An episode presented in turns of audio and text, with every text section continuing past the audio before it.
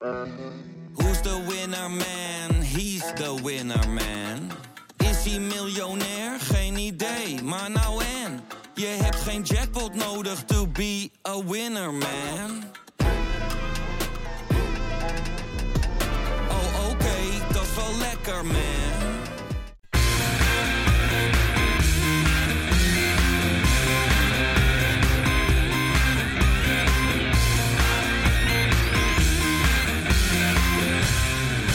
Gelul. Het stikt in de voetbalwereld van de mediamannetjes. Je hebt de krantenschrijvers als Valentijn Driessen, die alles wat ze voor hun voeten krijgen het liefst in brand steken. Je hebt meningmakers, zoals Johan Derksen, die bij het ontbijt drie flessen azijn naar achter gieten. Je hebt de ontwijkende perschefs, die voetballers het liefst een melkkorf ombinden en die je na drie kritische vragen nooit meer willen helpen. En je hebt de net iets te amicale vragenstellers als Hans Kraaij junior, die iets te nadrukkelijk in het privéleven van een voetballer willen snuffelen. In het woud van sportjournalisten zou je de content creators bijna vergeten. Zij manoeuvreren zich onzichtbaar door de voetbalwereld, maar zijn stiekem overal aanwezig. Zo ook onze gast. Wanneer Arne Slot de opstelling bekend maakt, is hij de eerste die het op de sociale kanalen communiceert. Wanneer Justin Bijlo als eerste de spelersbus uitstapt, staat hij vooraan om te filmen. Wanneer Louis Sinisterra over de Berlijnse Sintelbaan struikelend richting het uitvak stormt, rent hij er met zijn telefoon achteraan. Stiekem heeft hij een van de leukste banen in de Kuip. Hij heeft niet de druk van de technisch directeur Frank Arnissen, van wie verwacht wordt dat hij iedere transferperiode een nieuwe ster presenteert, of van trainer Arne Slot, van wie wordt verlangd dat hij na iedere wedstrijd even drie punten uit de hoge hoed tovert. Nee, hij hoeft ook niet iedere week een hattrick te maken, of komende maand even het stadiondossier op te lossen. Nee, onze gast heeft de schitterende taak om de achterban van informatie te voorzien. Zoals hij het zelf ooit mooi zei, hij is de oren en ogen van de Feyenoord supporters. Toegegeven, onze vorige gesprekspartner Cyril Dessers heeft na zijn droomweek van voor, voor de interlandperiode ook in onze podcast behoorlijk raakgeschoten. Het zijn big shoes to fill, maar laat je daardoor vooral niet belemmeren. Een hartelijk welkom aan de content creator van Feyenoord, Mitchell Minnaert. Dankjewel. Ja, want we, ja, het is zo'n beetje als wat ik in de aftrap al zei. Afgelopen dinsdag, donderdag uitgekomen, zaten wij met uh, Cyril Dessers aan tafel. In de tussentijd hadden we ook al enige tijd geleden ook een afspraak met, uh, met jou gemaakt, Mitchell. En uh, ja, dat valt nu een beetje. Ja, het is wel het is letterlijk big shoes te veel. Ja, het, het is, wel een beetje een anticlimax dat ik nu natuurlijk uh, aansluit naar de, wat ik heb gelezen, de mooiste uitzending, leukste uitzending ooit. Ja. En dat daarna uh, ja. een medewerker van Feyenoord komt. Nou, dat, ik hoorde dat dat in de groep was gedeeld en dat er allemaal mensen dachten dat de nieuwe algemeen directeur aan zou schuiven. Dat ben ik ook niet. Nee. maar ja, ik ben inderdaad het mediamannetje van, een van de mediamannetjes van Feyenoord. Ja, en voor, en voor we verder gaan, want ik zit natuurlijk niet alleen met jou aan tafel, met je. Ik zit hier ook namens, ja, ook met een andere Zeeuw, want je komt uit Zeeland, daar gaan we het straks vast nog over hebben. Want mijn, ja, mijn vaste maandagkompaan, as always, zitten we hier aan mijn Daar zijn we weer, Jopie. Misha zijn is er we ook weer. bij. Wat hebben wij een week gehad, hè? We hebben een hele mooie week gehad. Maar laten we het vooral niet over ons hebben. Want we hebben hier een hele leuke, bijzondere gast. Ja, de, de, de content creator. Nou, wij zijn zelf nieuwe media. Een podcast hebben we heel lang moeten uitleggen wat het is. Maar uh, inmiddels weten mensen wel een beetje wat een podcast is. Maar wat is een content creator? Ja, ik heb dat zelf ook in mijn Twitter bio gezet. Uh, uh, want ja, hoe moet je dat uitleggen? Inderdaad, content creator, die Engelse termen, dat, uh, dat hoort allemaal een beetje bij, bij marketing ook wel. dus ja, als ik op een verjaardag bij mijn oma zat bijvoorbeeld, ja, hoe moet je dat dan aan haar vriendinnen uitleggen? ja. dus dan heb ik maar gezegd, nou, ik ben het mediamannetje. want ja, ga die maar eens uitleggen wat Twitter is, wat Instagram is, wat Facebook, TikTok, noem het allemaal maar op is. maar ik ben eigenlijk samen met mijn collega's verantwoordelijk voor de media van Feyenoord. Uh, dus dat gaat van de website tot kameraadjes magazines, uh, Twitter, ja, social media, die we, die we, social media kanalen die we hebben. En dat doen we met een ja, toch wel vrij klein team, vrij klein kernteam noem ik het dan maar even. Hoeveel, hoeveel man heb je het dan over? we hebben één teamleider, dus die is niet actief in de productie, maar ja. is eigenlijk meer voor de overview, om het zo maar ook met een Engels woord te zeggen. En we werken met z'n drieën eigenlijk, vullen we de kanalen. Dus um, alles wat we op de social media zien en zelfs dus ook op de website. Nou ja, de artikelen zullen niet per se door jullie geschreven. Ja. Ook? Ja, ja, ja. Dus, dus jullie beheren uh, ook Feyenoord.nl? Ja, Feyenoord.com ook. Nou, daar gebeurt wat minder op. Dus daar, daar vertalen we alleen de echte highlights, om het zo maar te zeggen. Je De bent echte grote berichten. Ik hoorde, ja, Je moet ik wel mee stoppen, want ik zit op de marketingafdeling en ik heb daar echt, eh dan neem je toch veel van die, eh, van die termen over. Maar ehm, dat doen we eigenlijk met z'n drieën. En dan hebben we aanvullend nog, nou, we hebben een collega die verantwoordelijk is voor het Feyenoord Magazine. Daar doe ik ook wel wat voor, maar ben ik niet hoofdverantwoordelijk voor. Eh, een collega voor e-sports, dus echt de, de, de e-sports content, maar ook nou, de evenementen. En we hebben er sinds de- deze zomer een, eh, eh, een vrouwelijke collega ook bij voor de Feyenoord Vrouwen 1. Oké. Dus eh, eh, ja, eigenlijk een vrij klein team. En dan hebben we voor de videocontent eh, hebben we een, eh, eh, een partner die dat eh, voor, ons, eh, voor ons maakt. Dus eh, daar zijn we dan wat meer Je bent verantwoordelijk coördinerend voor. Feyenoord TV, toch? Die partner. Ja, die partner is volledig eh, verantwoordelijk daarvoor inderdaad. Maar ja, of tenminste, wij zijn verantwoordelijk, maar zij maken het in onze Ja, opdracht. precies. Ja, precies. Dus, ehm, dus ja, daar zijn we eigenlijk allemaal eh, bij betrokken. Dus het is heel veel. En eh, dat is ook juist heel leuk, want ja, elke dag is anders. Dat is een beetje cliché, maar dat is gewoon echt zo. Ja, want ik, Eh. ik, ik, ik- ja, je ziet tegenwoordig op het moment dat je een gemiddelde vacature-site opent, zie je de meest mooie teksten. Met tegenwoordig is altijd zo'n kopje. Wat ga je doen? En dan is een uitleg van, nou, je komt op maandagochtend binnen, je staat bij het koffiezetapparaat, je zegt hallo. Je vertelde net al een beetje dat je het moeilijk vindt om tegen je oma te vertellen van wat je nou precies doet. Want dat snap ik. En wat leg je tegen je oma maar eens uit wat TikTok is. Dat kan je tegen mij nog niet eens uitleggen, Nee, vrees ik. nee. Maar gaan we straks proberen. Ja, Hoe, hoe, hoe ziet zo'n week eruit? Want ik heb echt... tot- Je vertelt zoveel wat je doet, maar, maar, maar, maar hoe gaat het in de praktijk? Ja, jij gaat maandagochtend naar de club en dan? Eh, nou ja, maandagochtend ga ik meestal niet naar de club. Oh, maar maandagochtend is dan nog eh, een slecht voorbeeld. ja, nee, slecht voorbeeld. Nee, dat is, dat is meestal de dag dat we, dat we terugblikken op eh, nou, de laatste tijd ook veel eh, positieve wedstrijden natuurlijk. Ja. Dus eh, een mooie uitslagen, mooie momenten. Ehm, eh, dus dan werken we meestal vanuit huis. Die middag is het eigenlijk vooruitblikken met de, de verschillende collega's. En de, de, ja, ook de partner die dan voor de videocontent verantwoordelijk is. Kijken we vooruit naar de week die voor ons ligt. Ehm, doen we ook op vrijdag. Dan blikken we terug, maar kijken we ook alvast even vooruit naar het weekend. Spreken we nog specifiek wat, wat dingen. Ja, en de tussenliggende dagen dan ehm, ga ik of naar de Kuip. Eh, nou, tijdens, of sinds corona werk ik wel wat meer vanuit huis. Eh, en ben sinds dit seizoen ook wat eh, meer betrokken op 1908. Dus daar zit ik ook twee à drie dagen in de week. Ehm, Want hoeveel dagen ben je dan nu door de week op eh, 1908? ja, twee of drie ongeveer. Dat, komt, dat hangt een beetje af van wat we, wat we hebben. Net zoals nu is het interlandbreak. Dus ik ben nu eigenlijk deze week vrij. En eh, dus dat is ook wel eens, eh, wel eens lekker. En ook wel even een moment om, om even je rust te pakken. Want ja, Ja. het is natuurlijk nu echt een, een rollercoaster Ja, een waar we hectische, in zitten. hectische, hectische periode Ja, geweest. en ik hoop dat we nog heel lang in die hectische periodes eh, zitten. Want ja, als we doorgaan in de beker en doorgaan in Europa, dan ja, blijven we in dat Maar drukke wat- schema. Want je zegt, het is hect- wat, wat maakt het nou hectisch? Ja, social media is op zich, dat staat al nooit stil. Mhm. Ehm, dus nou, dan heb je ook nog drie wedstrijden in de week, waar je dus op vooruitblikt, op terugblikt. Eh, Ja. eh, Ja, wij kennen het als podcast. Ja, wij wij zitten in hetzelfde stramien. Jullie zijn ook, ook eh, van, naar, oh. naar twee eh, uitzendingen gegaan natuurlijk. Dus dat, eh, eh, het is ook echt, ja, ik luister ze ook allemaal aan. Het is op het duur echt, eh, moet ik gewoon tijd vrij gaan maken eigenlijk bijna om, eh, om eh, ze te luisteren. Maar dat doe ik graag. Ehm, eh, ja, dus je zit in dat stramien eigenlijk van, van wedstrijden. Dus dat maakt het eigenlijk al druk. Eh, maar ook, nou, eh, dat heb ik al heel vaak gezegd. En ik heb, zei het laatst als grapje tegen mijn ex. Zei ik van, nou, nee, maar het wordt ook wel, wordt ook wel rustiger. Eh, en eh, mede daarom is het eh, ook mijn ex. Want ja, het wordt nooit rustiger. het is gewoon altijd, je bent gewoon altijd druk bezig. eh, en je wil ook altijd meer. Dus nou, op social media wil je ook altijd meer likes. Meer, je wil meer volgers. eh, nou, noem het allemaal op. Ja. het is ook nog mijn club. Dus je wil ook dat de club er ook op social media eh, goed op staat. Dus ja, eh, dat maakt het eigenlijk druk. Je maakt soms ook jezelf een beetje druk. Dat Ja, dat daar hebben we allemaal een beetje last van, denk Ja. ik. Maar eh, ja, straks nog even inzoeken op het werk wat je allemaal doet. Want daar denk ik dat we wel honderdduizend vragen op je kunnen afvuren. Maar je zei het net al in een kleine bijzin van ja, weet je, het is ook mijn club. Ja. Kan, kan je daar eens wat over vertellen? Van, eh, van eh, nou ja, kleine Mitchell, was dat ook een Feyenoord supporter? Had hij ook de droom om uiteindelijk in die Kuip te eindigen? De kleine Mitchell was zeker een, eh, een Feyenoord supporter. Ehm, ja, droomde eigenlijk van, eh, van wat Cyril Dessers nu doet. Ja. Dus scoren in de Kuip. En eh, nou, dat bleek al snel dat ik dat niet zou gaan doen, want eh, zo talentvol was ik niet. Maar eh, eh, ja, toch ehm, eh, wel echt altijd eh, gek geweest van die club. Dus mijn kamer was eh, behangen met Feyenoord behang. ben zelfs ooit spelersmascotte geweest. Oh. eh, bij Feyenoord Dynamo Kiev, Champions League wedstrijd. De, volgens mij de saaiste Champions League wedstrijd die we gespeeld Ik- hebben. ik- Maar dat, ik- ik- hij staat mij niet meer bij. nee, dat was Nou, 0-0.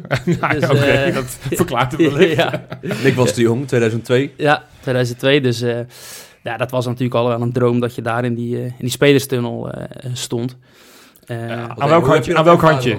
ja, ik had, uh, zijn voornaam weet ik niet eens, PF. Ik heb hem, nou, Oh, van de, Het was was van de tegenstander. Ja, ik stond, Dat is ja, dan ook ja, jammer, Dus ja. ik stond aan de, aan de verkeerde Maar heb je dat wel, hoe heb je dat ervaren dan, zeg maar, als klein jongetje zo dat veld oplopen? Ja, ja, dat is heel slecht eigenlijk, maar ik heb het dus wel ervaren. Alleen, en dat bleek later, ik heb nu lenzen. Maar toen had ik dus echt hele slechte ogen. Dus al mijn herinneringen zijn ook echt heel vaag. Ik, ik, ik, ik kon ook dus, ik kreeg allemaal aanwijzingen van de zijlijn. Dat je moest gaan zitten. En ik kon dat gewoon niet zien. Dus toen moest ik naast me kijken, oh, gaat iemand zitten? Dus zo zijn mijn herinneringen ook eigenlijk. Ik weet nog dat, ik, dat wij moesten oefenen in de kamer van Jorien van der Herik. En dat kan ik me nog wel herinneren, want ja... eh, kaal, eh, kale man, groot, eh, ja, imposant, die Ja, dan ineens ja. binnen kwam lopen. Dus mijn herinneringen zijn eigenlijk heel vaag daarvan. Maar ik heb laatst wel toen? beelden gezien. Want hoe oud was je toen ongeveer? 2002, dus was ik acht ongeveer. Oké, oké. Maar ik heb daar laatst, bij die, onze laatste Champions League campagne, heb ik daar eh, beelden van gezien. Want toen was Mastercard was op zoek naar, eh, naar jongetjes die toen spelersmascotten waren. Oh, Dus daar was ik voor benaderd, dus dat was wel leuk. Eh, er is een hele slechte reclame nog van gemaakt. Dus die, die, ik hoop niet dat jullie die nog op snorren. nee, je snapt natuurlijk dat we dat meteen gaan Ja, opzoeken ja, en volgende week in de Insta Inspector gaan bespreken. Ja, Dat ja. bedoel ik. Nee, Ja. dat was heel slecht. Maar wel echt, ja, unieke ervaring. En eh, ja, droomde er dus van om ooit nou, in de Kuip te werken, laat ik het dan zo zeggen. En, en, en, en hoe, hoe, hoe is die reis dan gegaan? Want op een gegeven moment had je door, nou ja, voetballend ga ik er niet komen. Hoe, hoe kom je dan uiteindelijk, zeg maar, van Feyenoord liefhebber dan toch uiteindelijk als in de functie van content creator bij Feyenoord? Ja, het is best een lange weg. Eh, ik, ik wilde eigenlijk de journalistiek in. Ja. Ehm, dat kwam, dat is laatst hier ook al besproken, die, die bewuste deadline day met uh, Charisteas. Ja. Ehm, Ja. ja. dat vond ik toen zo geniaal. Dat je, ik heb de hele dag op F5 zitten drukken op F12. Van eh, ja, welke spits Wat komt komt, er? wie, wie komt er? Ja, wie komt er? Wagner hè?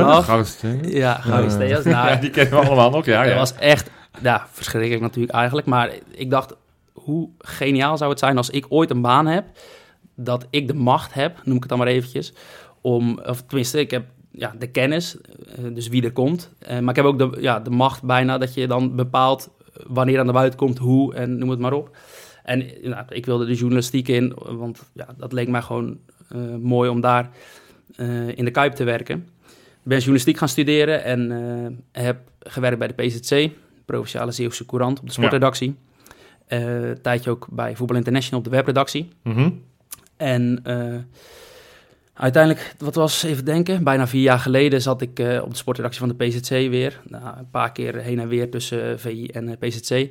En eh, eh, ja, toen kwam de vacature voorbij van, van Feyenoord. En dat was op de marketingafdeling, dus sprak me niet echt aan.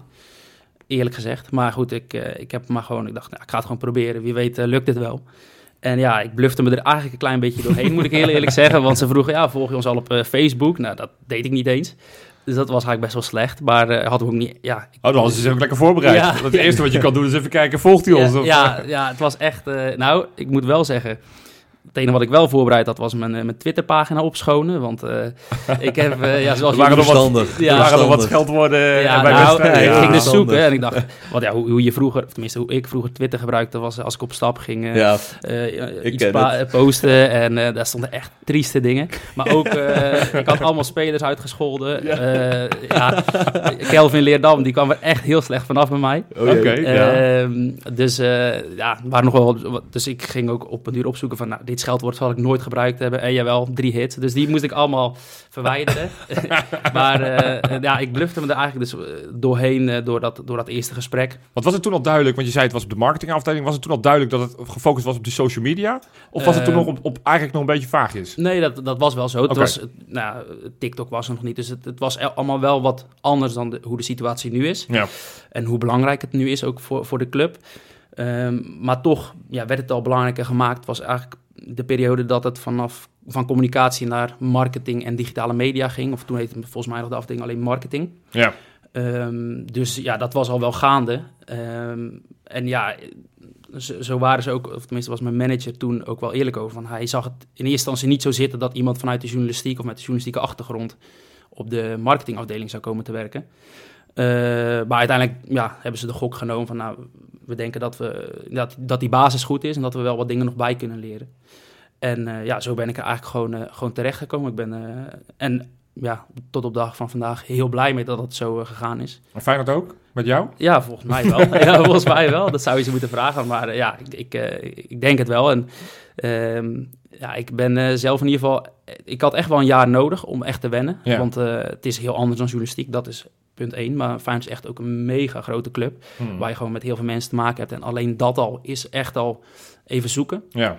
Ehm, en, je, en je rol daar vinden. Of eh, ja. je plek daar vinden. Maar eh, ja, na een jaar voelde ik me daar wel thuis. En eh, ja, heb ik ook wel de taal van social media me een beetje eigen gemaakt. En dat is al best wel moeilijk. Ik wou zeggen, daar gaan we straks in tweede item uitgebreid op inzoomen. Want dat, daar kan ik denk ik nog heel veel van leren. Ik als oude lul aan deze tafel met mijn 38 jaar. Maar wat je wel vaker hoort van op het moment dat mensen die fan zijn van een club en uiteindelijk dan een dienstverband krijgt, wat voor functie dat dan ook, of bestuurslid is, of directeur, of nou in dit geval content creator. Uh, dat er dan vaak een beetje van een koude kermis thuiskomen. Dat ze dan toch zeggen: van, ja, eigenlijk is het helemaal niet zo leuk om voor je favoriete club te werken. Want dan, eh, dan is het je werk. Dan is het niet meer je hobby. Dan kan je inderdaad niet meer die scheldwoorden op Twitter gebruiken. Want dan, eh, dan word je daarop afgerekend. ja, nou, dat, hoe, hoe, hoe, hoe, is dat, zeg maar, om, om dan voor je club te werken? Uh, ja, de, het is een droombaan. Maar ja, het kan ook echt wel eens een nachtmerrie zijn. dat klinkt heel zwaar. Maar um, nou, om het naar nu te trekken. Nu is het echt een droombaan. ja, qua resultaat gaat het echt top. En, ja. maar ik heb hiervoor dus... werkte ik ook vaak in het weekend ja, ik, er zijn hele uh, wedstrijden, of nou, klassiekers bijvoorbeeld, die ik gewoon nooit heb gezien, omdat ik op zondag aan het werk was. En die verloren we, ja, die keek ik niet terug. Daar had ik echt ook even geen behoefte aan. Dus ja, dat kent ja. iedereen wel. Um, maar nu, nu je voor de club werkt, zit je er middenin. Dus als het ja, sportief gezien uh, uh, slecht gaat, of op bestuurlijk vlak, of, ja, je kan er niet van weglopen. Nee, je kan niet zeggen, ik slaap deze week even over. Nee. nee. nee. Dus, en ja, sterker nog, je bent deels ook verantwoordelijk voor uh, de manier hoe Feyenoord uh, daarover bericht. Ja, ja. Dus uh, ja, je hebt daar ook een rol in. en ja, vorig En jaar was bijvoorbeeld wel was best wel lastig. Ja, dat Ja, maar hoe, hoe hebben jullie dat dan intern proberen eh, naar buiten te brengen? Van, hè, de sfeer was misschien niet al te best, maar hoe, hoe hebben jullie dat dan samen besproken? Van hoe gaan we dat doen?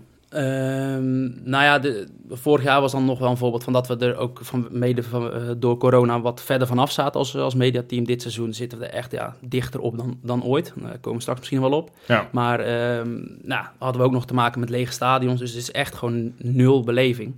En wij zijn er wel echt voor om nou, eh, Feyenoord, Feyenoord 1 dichter bij, eh, bij de supporters te brengen. eh, voor meer beleving te zorgen, daar ook, daardoor ook meer binding. Ja, dat was vorig jaar wel echt heel lastig als dan de sfeer in het stadion eh, erbij of eigenlijk niet is. De beleving bij de spelers, eh, omdat ze, ja, er zitten geen mensen op de tribune, dus dat is minder. Eh, je zit er dus ook wat verder vanaf, dus ja, je, kan ook, je hebt ook minder toegang tot die spelers. Ja, ja. Ja, dan is dat echt wel lastig. En dan moet je echt wel elkaar motiveren. En hoe we dat gedaan hebben, was vooral om alweer door te kijken naar een volgend seizoen. Er gebeurt natuurlijk heel veel. ja, dat hebben wij natuurlijk Ja. vorig jaar in die podcast ook gedaan. Van dat op een gegeven moment toen bekend was dat Arne Slotten was, dat je dacht...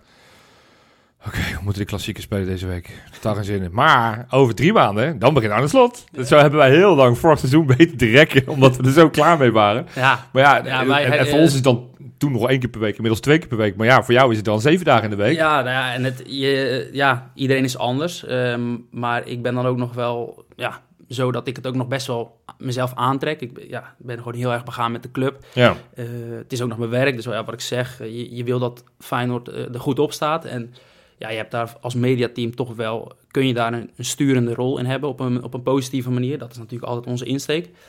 Ja, soms is er niet zo heel veel positiefs. En, ja, als dat niet zo is, ja, dan moet je dat ook naar elkaar uitspreken. Ja. Van, nou, dan moeten we elkaar maar motiveren. Dus een van de ja, dingen die we hebben gedaan is ook doorkijken naar komend seizoen. eh, plannen gemaakt. ja, Ehm, en ja, ik denk dat we daar dit seizoen wel de vruchten van plukken. ja. Uh, dus in die zin ja, is het alsnog wel een goed jaar geweest. Uh, vorig, vorig Vooral seizoen. voor het bouwen van... Vooral voor het bouwen op de achtergrond. ja. Want daar kom je, nou, net zoals nu tijdens het seizoen, kom je daar gewoon niet aan toe. Nee. Zit je gewoon echt in die, uh, in die achtbaan. Is er, is er één week, en misschien is het heel moeilijk om te zeggen... in, jou, in jouw vier, vijf jaar dat je nu bij de club werkt... is er één week waarvan je zegt... oh man, die week die voelde alsof, het, alsof die nooit ten einde ging. Uh, op een slechte manier of ja, op een nee, positieve? Ja, ja, ja, ja, ik bedoelde op slecht, maar daarna mag je hem ook als positief uitleggen. Maar... Ehm, Ja, er zijn echt wel eh, ja, bizarre weken geweest. Daar, daar kan ik niet eentje uitlichten. Dus zowel positief als negatief. Eh, er zijn, nou, laat ik er eentje pakken die zowel positief als negatief eh, was. Dat was eh, de week dat eh, eh, onze aanvoerder van vorig seizoen eh, vertrok. Geen idee, nee, ik niet meer. Ja? En eh, eh, op dat moment dat wij dat, nou dat was al lang bekend, maar toen wij dat eh, aan het afronden waren eigenlijk qua berichtgeving, eh, zat eh, Ali Reza Jaanbaks eh, in eh, de onderhandelkamer, om, Ja. om het even zo Ja. te noemen, van uh, Frank Arnezen. Eh, ik was ook op 1908, dus wij zaten daar te wachten. Ik was daar verantwoordelijk voor eh, eh, eh, de jongens die allemaal stonden te wachten om wat met hem op te nemen en foto's te maken. Ja, daar heb ik dus dat van dichtbij meegemaakt. Ondertussen zaten wij zo lang te wachten, duurde echt uren. Eh, hadden dat idee bedacht van Orkun Kokjens een, num- een nieuwe nummer, Ja. dus die 10. Ja, Ja. Eh, dus heb ik daar gewoon ja, in die stoel, een beetje achterover eh, leunend, heb ik dat filmpje zitten maken. Eh, en we waren dus druk bezig met het afvallen van dat ja, negatieve bericht en al dat gezeik wat daarop kwam, wat we ook eh, wisten en konden verwachten. Dus ja, dat, dat was wel, dat was één werkdag eigenlijk. Eh, dat was wel de meest bizarre werkdag. Ja. Die, zowel qua ne- negativiteit als qua positiviteit. Dat je toch eigenlijk alweer dat doorkijkje had naar komend seizoen van nou, dit is waar we het wel mee gaan doen. Maar Vond je dat lastig om, eh, zeg maar, een, toch een soort van nette noot ook op... Ja, je bent supporter. Om dan, dan toch een beetje op een goede manier dan afscheid te nemen met een mooie post voor Berghuis? Of... Is dat gebeurd? Ik kan me helemaal niet herinneren. Wat was volgens mij bedankt. Nee, gewoon, ja, maar gewoon... Nee, Denk, maar hoe denk je daarover na dan met z'n allen? Als... Ja, daar denk je wel uitge en zeker in dit geval wel uitgebreid over na. Van, nou, eh, dus we hebben een post geplaatst. Nou, we hebben echt heel lang over de foto gehad die we zouden gebruiken. Moeten we hem nog wel in het Feyenoord shirt zetten of niet? Nou, dat, zijn, en dat is misschien ook wel het leukste om, of tenminste, dat vind ik wel het leukste om altijd te zeggen tegen mensen. Alles wat je ziet op de Feyenoord kanalen, dat is niet zomaar bedacht dat ik hier aan tafel zit en denk, hey, ik ga eens even het een tweetje zit zetten. wel, Ja. ja. Er zit echt wel een idee achter. We hebben ja, toch best wel een klein team. Ehm, maar we houden altijd het vier ogen principe aan. Van, er moeten altijd vier ogen naar gekeken hebben. Precies. Ehm, op wedstrijddagen is dat wel iets anders. Ja. Als de, Ja, bij maar wedstrijd live, als je een goal wil eh, tweeten, Precies. is dat lastiger, Ja. vermoed ik. Ja, maar ik snap het maar al het andere, daar, Precies, daar, daar denken we niet echt wel goed over na. wedstrijdgerelateerd. Ja. Oké, leuk, leuk. Nou, eh, zoveel vragen, zoveel nog meer. Maar voordat we daarheen gaan, ja, kom ik eerst weer met mijn rubriekje.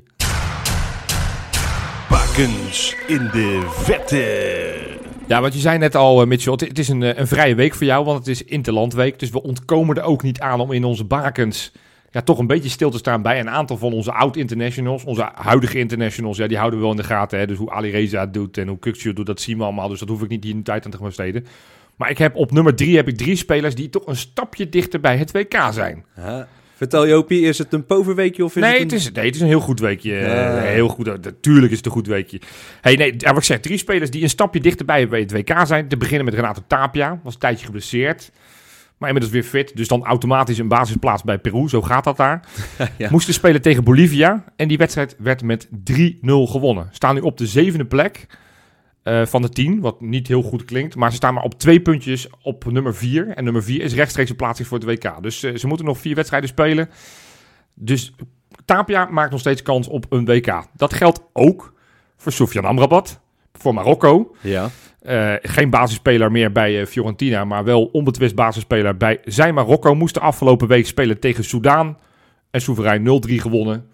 En zijn nu eerste geworden in de pool. En die moeten nu met alle tien winnaars van de pool in Afrika. Die hebben zijn play-offs. ja. Dus nou ja, hij moet nog een uitwedstrijdje en een thuiswedstrijdje moet hij overleven. En ook dan zien we Amrabat, normaal gesproken, op het WK. Kijk, Nou, en de derde in deze drietrapsraket. deze weet ik. Is dat het... weet jij niet? Nee, dat Nee, weet jij echt, niet. is Nee, het niet jij- Smolov? Dat is, oh, dat is wel Smolov. Ja, zie je, dat bedoel ik. Zo scherp. Jij hebt, Ja, eh, ja, ja. heel- nou, Of je hebt goed zitten spieken, of je hebt echt Nee, goed zitten ik heb de opletten. wedstrijd toevallig op mijn werk voorbij zien komen. Dan heb je echt geen leven. Want eh, eh, Smolov, nou, ik weet niet welke van de twee, want die moest twee wedstrijden spelen. Moest, eerst moesten ze spelen tegen Cyprus, met eh, basisspeler Smolov. Maakte daar een goal, en assist, ja. won, won 6-0. Nou, hartstikke soeverein. En daarna hadden ze een onderling duel tegen Kroatië. De winnaar zou rechtstreeks naar het WK gaan. De verliezer niet. Nou ja, verloren ze met 1-0. Dus zij moeten ook zo'n barragewedstrijd spelen tegen een andere nummer 2 uit, eh, uit Europa. Dus nou, die kunnen alle drie nog op het WK komen. Dan op nummer 2 een speler die we, als die geselecteerd wordt, en daar gaan we dan maar vanuit, wel op het WK gaan zien. Ging ook in een onderlinge wedstrijd. Dan heb ik het over ja, de kraker tussen Portugal en Servië. In Portugal. Oeros. ja, precies. Ural Spajic eh, begon als wisselspeler. Dus eh, had aanvankelijk geen rol in die wedstrijd. Kwamen al heel snel 1-0 achter door wat gepriegel van een, eh, van een oud Ajaxiet. Uiteindelijk werd het nog 1-1. Door diezelfde? Nee, door een andere ajax Oh. Ja, nee dit, was, nee, dit was een andere ajax die in Portugal speelt tegenwoordig. Of nee, Sevilla speelt hij tegenwoordig. Weet je nog wie ik bedoel? Nee, geen idee. Goedelje. Precies. Kijk, Oh. Mitchell zit er goed in, hè? Misha, step it up. Hè? Je moet wel een beetje... Nee, ja, eh, ik, eh, ik was helemaal vergeten dat Nee. Kudelje een eh, Servische nationaliteit ook had. Ja, nee, dat is in Servië. Dus nou, in ieder geval, uiteindelijk, ja, Servië moest winnen om door te gaan uiteindelijk naar het WK. En ja, zo geschieden in de laatste minuut van de reguliere speeltijd weer een kopbal 1-2. En uiteindelijk gaat Servië daarmee naar het WK. Moet Ronaldo nog een eh, extra wet of twee extra wedstrijden spelen. Maar vind ik hartstikke leuk voor Spajic. Die, die niet altijd even genoeg credits heeft gekregen in, in, eh, bij jij, Feyenoord. weet jij toevallig of die nu een beetje speelt bij eh Krasnodar? Weet ik dat? Natuurlijk weet ik dat, Misha. ik zit dat elke week in de gaten. de luisteraars willen dat weten. Hij, is, hij speelt niet alles, maar hij speelt wel vrij veel. De laatste paar weken is hij basisspeler, dus ik heb het gevoel dat hij zich langzaam in de ploeg van, van Krasnodar, de club ook van Vienna, in de basis heeft gespeeld. Ja. En dan op nummer 1 is buiten het veld. Ik eh, had gehoopt dat het inmiddels rond was. Maar goed, ik heb, ja, ik heb een quizvraag en met wat ik net zei heb ik hem misschien al verklapt. Het gaat namelijk om de man die op de elfde plek in de geschiedenis van Feyenoord staat als het gaat om duurste verkopen. Hebben jullie dan enig idee wie dat is? Ik kijk Oeh. naar de overkant. Kijk, Mitchell, Op die had verkoop. Ja, van verkoop. Dus Op wie- de elfde plek. Ja, die ons wat meest heeft opgeleverd. Er valt hier een stilte. Hij valt hier in stilte. Dat Ja. betekent doorgaans dat ik... Dit- Ja? Of wil je nog een gokje? Nee, ik denk, nee. Nee, nee het is, ik, het, we gaan namelijk naar de, de gulden tijd. Wat het extra opzienbarend maken. Het, ging voor een bedrag van 18 miljoen gulden in 1998. En dan gaat het over Giovanni van Bronckhorst. Onze oud-hoofdtrainer. Het is eigenlijk schandalig nog dat hij zo hoog in die lijst staat. Het geeft ook echt wel aan dat Arnissen de komende tijd meer spelers voor hoofdprijzen moet gaan verkopen. Kroes staat nog in de top 10. Ook natuurlijk schandalig, dezelfde periode ongeveer. Maar Van Bronckhorst ja, was natuurlijk trainer bij Feyenoord. Is daar nog even een uitstapje in China geweest, wat iets minder succesvol was. Is nu eigenlijk al een jaar lang is die werkloos. Maar daar gaat, als het goed is, deze week verandering in komen. Want hij is eh, ja, eigenlijk zo goed als rond met de Rangers uit Ja. Glasgow. Gaat daar eh, eh, Gerard opvolgen. Lijkt me niet heel makkelijk. Die hebben het daar vrij goed gedaan. Zeker. Maar wij gunnen hem dat ons. allemaal. Wat zeg je? Ook tegen ons. Ja. Ja, zeker. Helaas. Ja, helaas. Helaas. Ook tegen ons. Dat, dat was ik alweer vergeten. Was je daarbij? Ja, die, dat is denk ik mijn mooiste uitwedstrijd geweest. Niet qua wedstrijd zelf, maar qua, qua sfeer in dat stadion. Dat was niet normaal. Dat was 90 minuten lang. Het hele stadion alleen maar zingen en sfeer maken. Dat was echt eh, indrukwekkend. Nou ja, dan weet eh, Gio waar hij heen gaat. Dat kent hij natuurlijk, want hij Ja, heeft natuurlijk zelf gespeeld, gespeeld. en, en, en Ja. vrij succesvol gehad. Maar eh, nou, ik hoop dat het rondkomt. Zou een hele mooie stap voor hem zijn. En wij wensen hem daar al het succes. Ja, Mitchell, je, je, hebt net al heel veel interessante, boeiende dingen verteld waarvan ik dacht, daar wil ik meer van weten. Nou, in dit item willen we daar toch wat meer op, op gaan inzoomen. Jouw werk, wat je nou precies doet. Je hebt al een klein beetje een kijkje gegeven achter de schermen.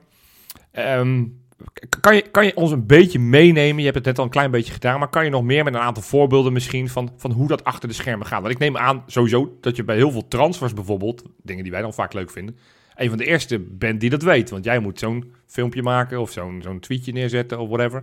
Ja, dat, dat was ook wel hoe ik het dacht. Van nou, als je, daar, als je bij de club werkt, dan hoor je echt altijd als eerste dat er interesse is. Of eh, nou, noem maar op. Maar dat is, dat is niet het geval. Dus Arnissen Eh, belt jou niet op het moment dat hij informeert naar een speler van, eh, Nee. van Spartak, dat hij zegt, Nee, wij worden, vind je het goed? Nee, wij worden. dom, dat is wel jammer, inderdaad. Zouden we wel leuk vinden. Maar dat is, de praktijk is gewoon dat, dat wij worden ingelicht. Wel in een vroeg stadium. Eh, als het, eh, nou, hoe moet je het zeggen, serieus wordt.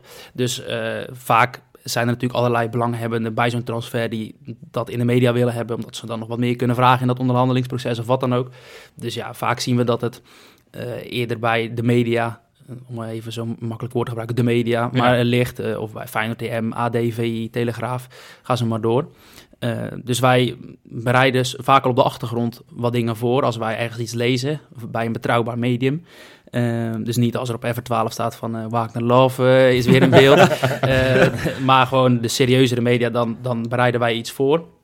Dus soms ja, gaan we ook gewoon bedenken we iets wat we nooit gaan gebruiken, omdat er misschien helemaal geen interesse is of het helemaal niet serieus wordt. Is er iets, is er iets wel eens wa- wat je wel soort van helemaal uitgedacht hebt en misschien al stapjes had ondernomen wat je, omdat je wist van nou, dit, dit zit er aan te komen, wat uiteindelijk nooit is, eh, is gerealiseerd? Eh, nou, echt dat we dingen gingen bestellen en zo niet. We stonden wel op het punt bij Ricky van Wolfswinkel een keer. Die, eh, die, die is echt wel vaker aan Feyenoord Ik wou gekoppeld. het zeggen, ja.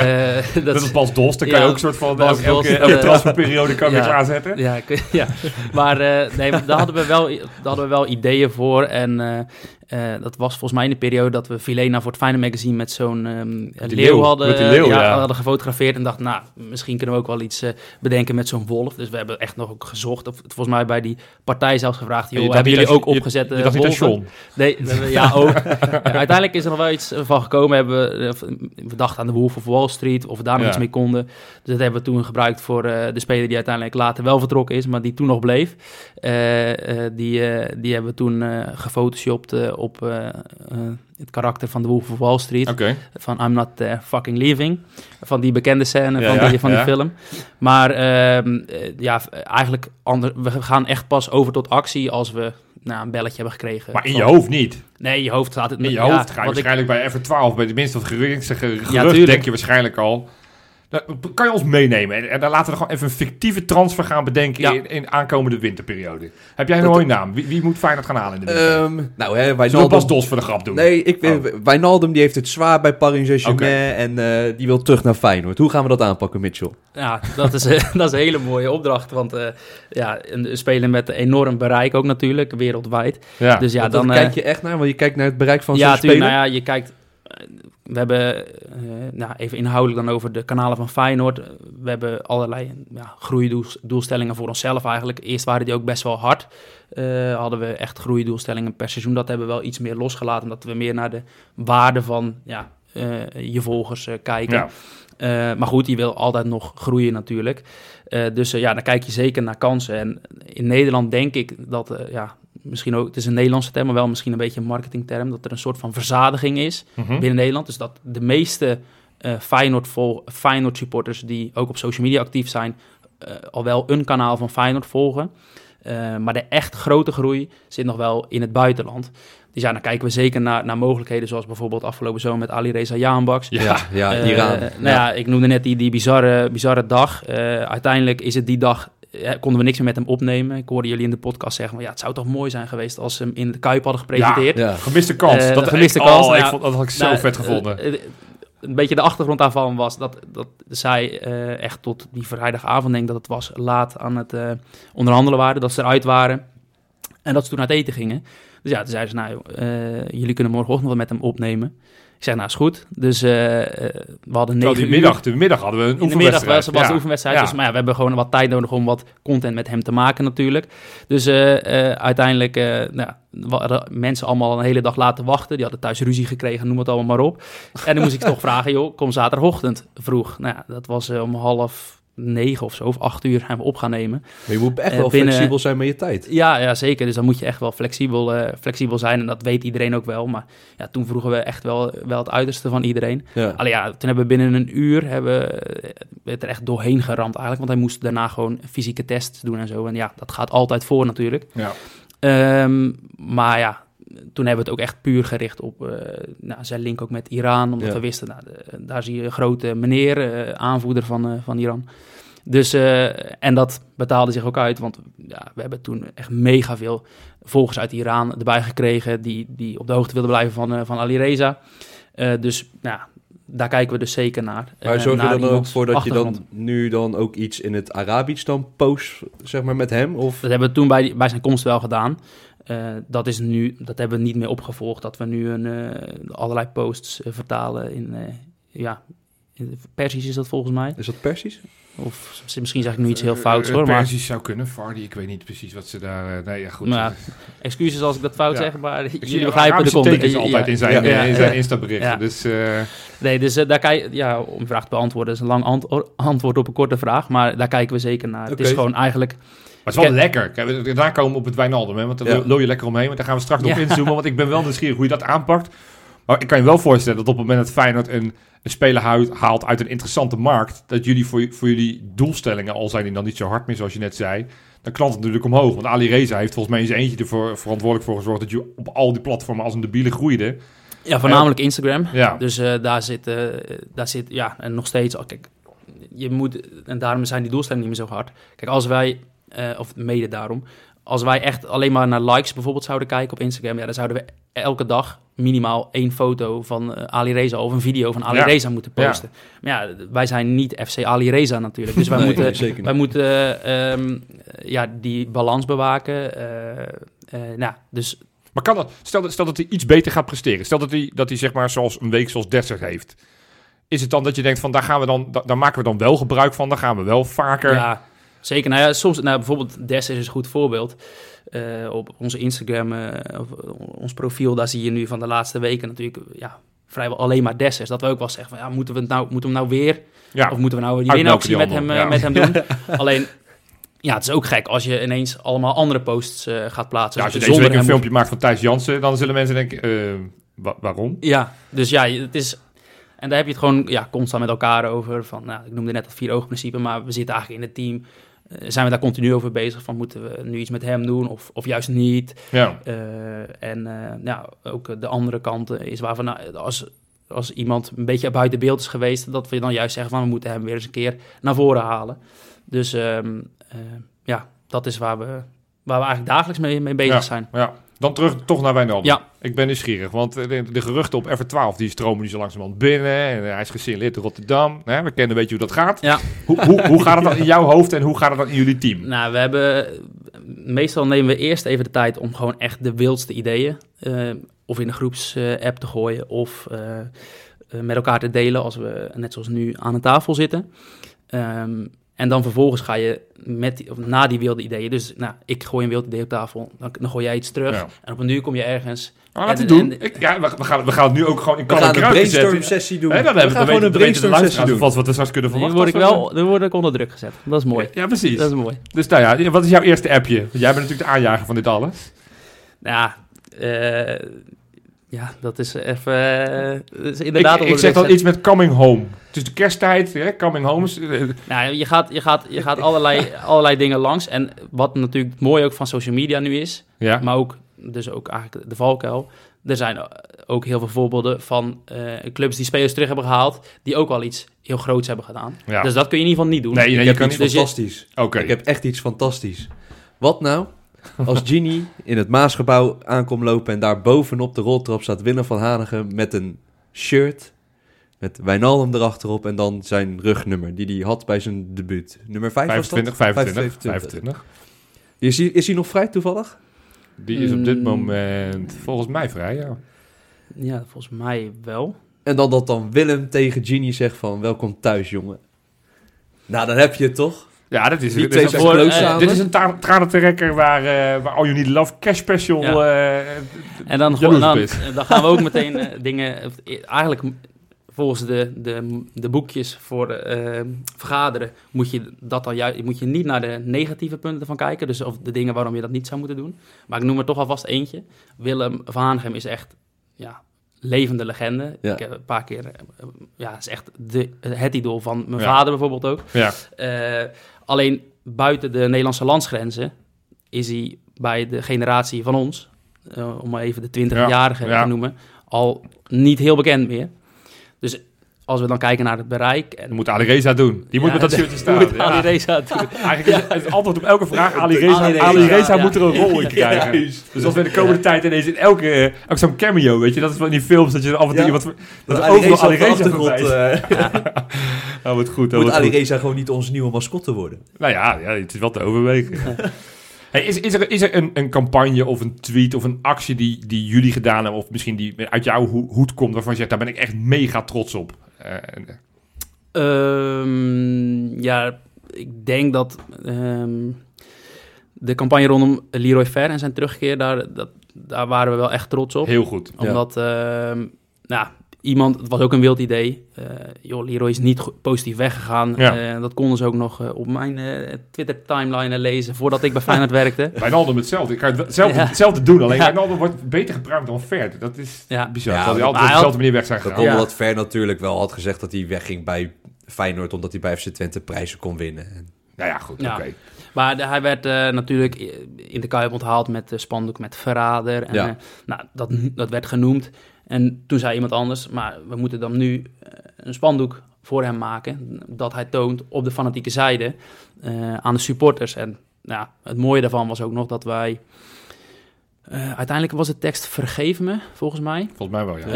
Ehm, eh, wij hadden een andere tekst bedacht. even denken. Vergi- vergissing is menselijk.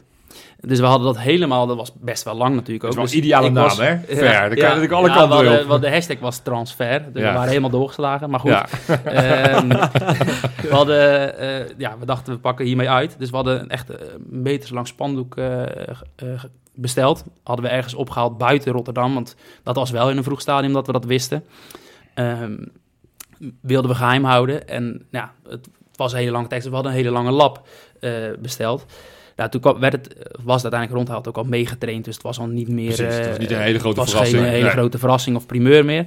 Maar eh, ja, toen zei hij van ja, ik, ik vind het eigenlijk geen goede tekst.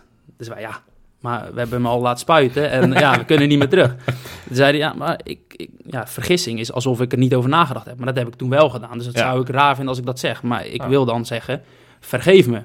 Nou ja, daar werden wij wel enthousiast van. Want dan Ja. is het eigenlijk ook nog iets wat je met z'n tweeën draagt. Dus de club zelf en, en hij. Ja. Toen ben, heb jij, ben jij de spuitbussen gaan pakken? Nou, toen hebben we eh Labrie, eh, die, had Ja. die had hem ook al eh, gespoten. Die, eh, die hebben we toen gebeld. Van ja, we moeten, vanmiddag moeten we naar buiten. Ja. Of vanavond moeten we naar buiten. En vanmiddag is hij in de Kuip. Kun je komen? Nou, hij eh, is eh, direct gekomen. Heeft samen met Leroy dat spandoek eh, gespoten. En binnen een tijd hadden we het, hadden we het erop staan. En toen s'avonds uh, ja, werd dat goed opgepikt. ja, En, ja, heel mooi. ja, ik denk dat we, als je het over sturend hebt, en, of vanuit Fijne Media, dat je ja, met zo'n campagne toch wel... Je kan niet alle negativiteit wegnemen, maar nou, als je dat zo benoemt en ook nog met een knipoog... ik, ik vond het een hele mooie. En we, we hebben het al vaker gezegd. Hè. Je zit nu aan tafel, dus het is ook wel netjes omdat ik een keer... Jaren geleden vond ik het echt altijd heel erg tenenkrommend. Met hele vervelende e- emoticons of gewoon smileys. Weet ik hoe die dingen tegenwoordig heten. Ja. Zo oud ben ik, hè, dat ik niet eens weet wat de juiste naam voor die dingen is. dat je dacht, ah, er komt weer zo'n zo'n zo'n zo'n zo'n smiley met zo'n tong naar beneden en zo'n knipoog. Denkt, En al die vlammetjes. vlammetjes. Zeg maar de afgelopen jaren, als je ziet, eh, die moet je natuurlijk volledig in je borst steken. Die, Ja. zeggen, die is volledig op mijn konto, moet je zeggen straks.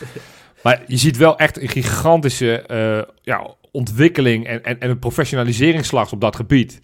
Ik, ik denk, ja, ook dat is dan ook nog in jouw tijd geweest. We hebben, ik heb ook de beelden natuurlijk van Jaap Stam met zijn bureau en, en zijn pen. Ja, als je het hebt over van hoe, hoe, hoe, hoe, social media ook tegen je kan werken. Ja, Ja, is, is, is, is ik, wel... weet, ik weet natuurlijk niet meer hoe lang we nog hebben, maar dat, daar was ik dus bij. Ja. Eh, en dat is, ja, eh, ik, ik wil alles positief draaien, dat zul je misschien wel merken. Maar, maar dat, dat, dat draai ik ook echt positief. Want allereerst zeggen hoe slecht het was. Het was echt mega slecht. ja. Eh, het was, we hadden dat helemaal voorbesproken, zoals we ook naar dit seizoen hebben, vo- vooruit hebben gekeken. Van, nou, oké, nieuwe trainer, nieuwe start, eh, nou, noem het allemaal maar op. Dus we hadden heel plan om hem die hele dag te volgen. We hadden afgesproken met hem en hij zou rond half acht of acht uur zijn. Ja. Ik woon zelf in Zeeland, in Ierseke, dat is een uurtje rijden. Dus mijn collega zei, nou, ik pak dat eerste deel wel, dat we hem opvangen met de camera en eh, met fotografie. Alleen Jaap Stam was er al om half zeven, volgens mij, was zelfs voor de portier nog bij 1908. Dus die was echt, echt Hij was gretig. Hij was gretig, ja. Hij had er zin eh, in. Ja, dus dat, nou, uiteindelijk hebben ze alles in scène moeten zetten. Dus dat zie je ook echt terug aan die beelden. Van, Ja. hij- want het leek alsof hij voor het eerst aan die, of tenminste, dat moest lijken alsof hij dan uit zijn auto stapte. En het Ja. bureautje. ja, nou, dat, gebeurde, dat was natuurlijk al niet zo. Dat was heel ongemakkelijk. Op die foto's, ja, die, die, ja, die Er hebben... is ook niemand die ergens op een gegeven moment denkt... jongens, Nou, het, het was een leuk idee... maar, maar dit we, kunnen we beter gewoon niet doen. Nee, dat is, dat is waarom ik naar het positieve ga. We hebben dat toen ja, niet goed genoeg... Ik heb die Instagram-post geplaatst met die foto's. omdat ik dacht van ja, we moeten iets hebben om deze dag mee te openen. ja. En, eh, en eigenlijk heb ik toen kwaliteit... Ja, dat vroegen ze eh, bij je sollicitatiegesprek. Wat is belangrijker, kwantiteit of kwaliteit? Nou, toen gaf ik het goede antwoord. Maar in de praktijk gaf ik het goede antwoord niet. Want ik ging voor de kwantiteit. Dus dat Ja. we een post hadden. Je moet iets hebben in de plaats van dat het een goede post is. Ja, en daar zijn we echt eh, nog jarenlang mee, mee achtervolgd. Nou ja, nu weer. Ja. en nu weer, Ja. maar dat is ook niet erg, want... eh, Is dat de grootste, Ja, weer grootste van, toch? ja, blunder, ja, blunder is het misschien niet, maar Ja. Dat de grootste eh, fout geweest in die, in die tijd dat jij Ja. er gewerkt hebt? Ja, dat is echt de grootste. eh, En ook, ja, dat is echt de grootste blunder geweest. Want ehm, daarna zijn we wel echt veel kritischer geworden. Ook, eh, ook intern, zeg maar. Dus dat we, nou, we hebben heel veel posts ook gehad. eh, allerlei acties en zo waarvan we zeiden van ja, maar dit kunnen we toch niet op de kanalen plaatsen. Maar we deden dat altijd maar. En ja, we zijn daardoor wel kritisch geworden, omdat we ook steeds beter zijn gaan begrijpen wanneer iets goed valt eh, Ja. en wanneer iets slecht valt. Ja. Ja. En nog kun je dat niet altijd helemaal perfect inschatten. Ehm, maar eh, ja, we weten wel de Het gevaren. wel dat jij een Feyenoord supporter bent. Je Ja. kan het beter inschatten dan een, dan een leek die zeg maar handig is met social media.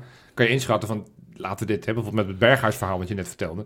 Volgens mij heb je daar de goede afweging gemaakt. Dat je denkt van ja, dit, dit wordt niet gebruikt, we moeten het op deze manier doen. Ja. Dat is dan wel een voordeel. Ja, en soms moet je ook gewoon weten eh, dat je het ook niet altijd voor, eh, voor iedereen goed kan doen. Ja. Kijk, de Feyenoord supporter bestaat niet. De Feyenoord supporter is man, is vrouw, eh, groot, klein, 70 oud, jong. eh, 24, ja, ja, ja. dus de- en iedereen kijkt ook weer anders. Als je, als je tien mensen naar dezelfde tweet bijvoorbeeld laat kijken, dan, dan kunnen er tien verschillende meningen zijn.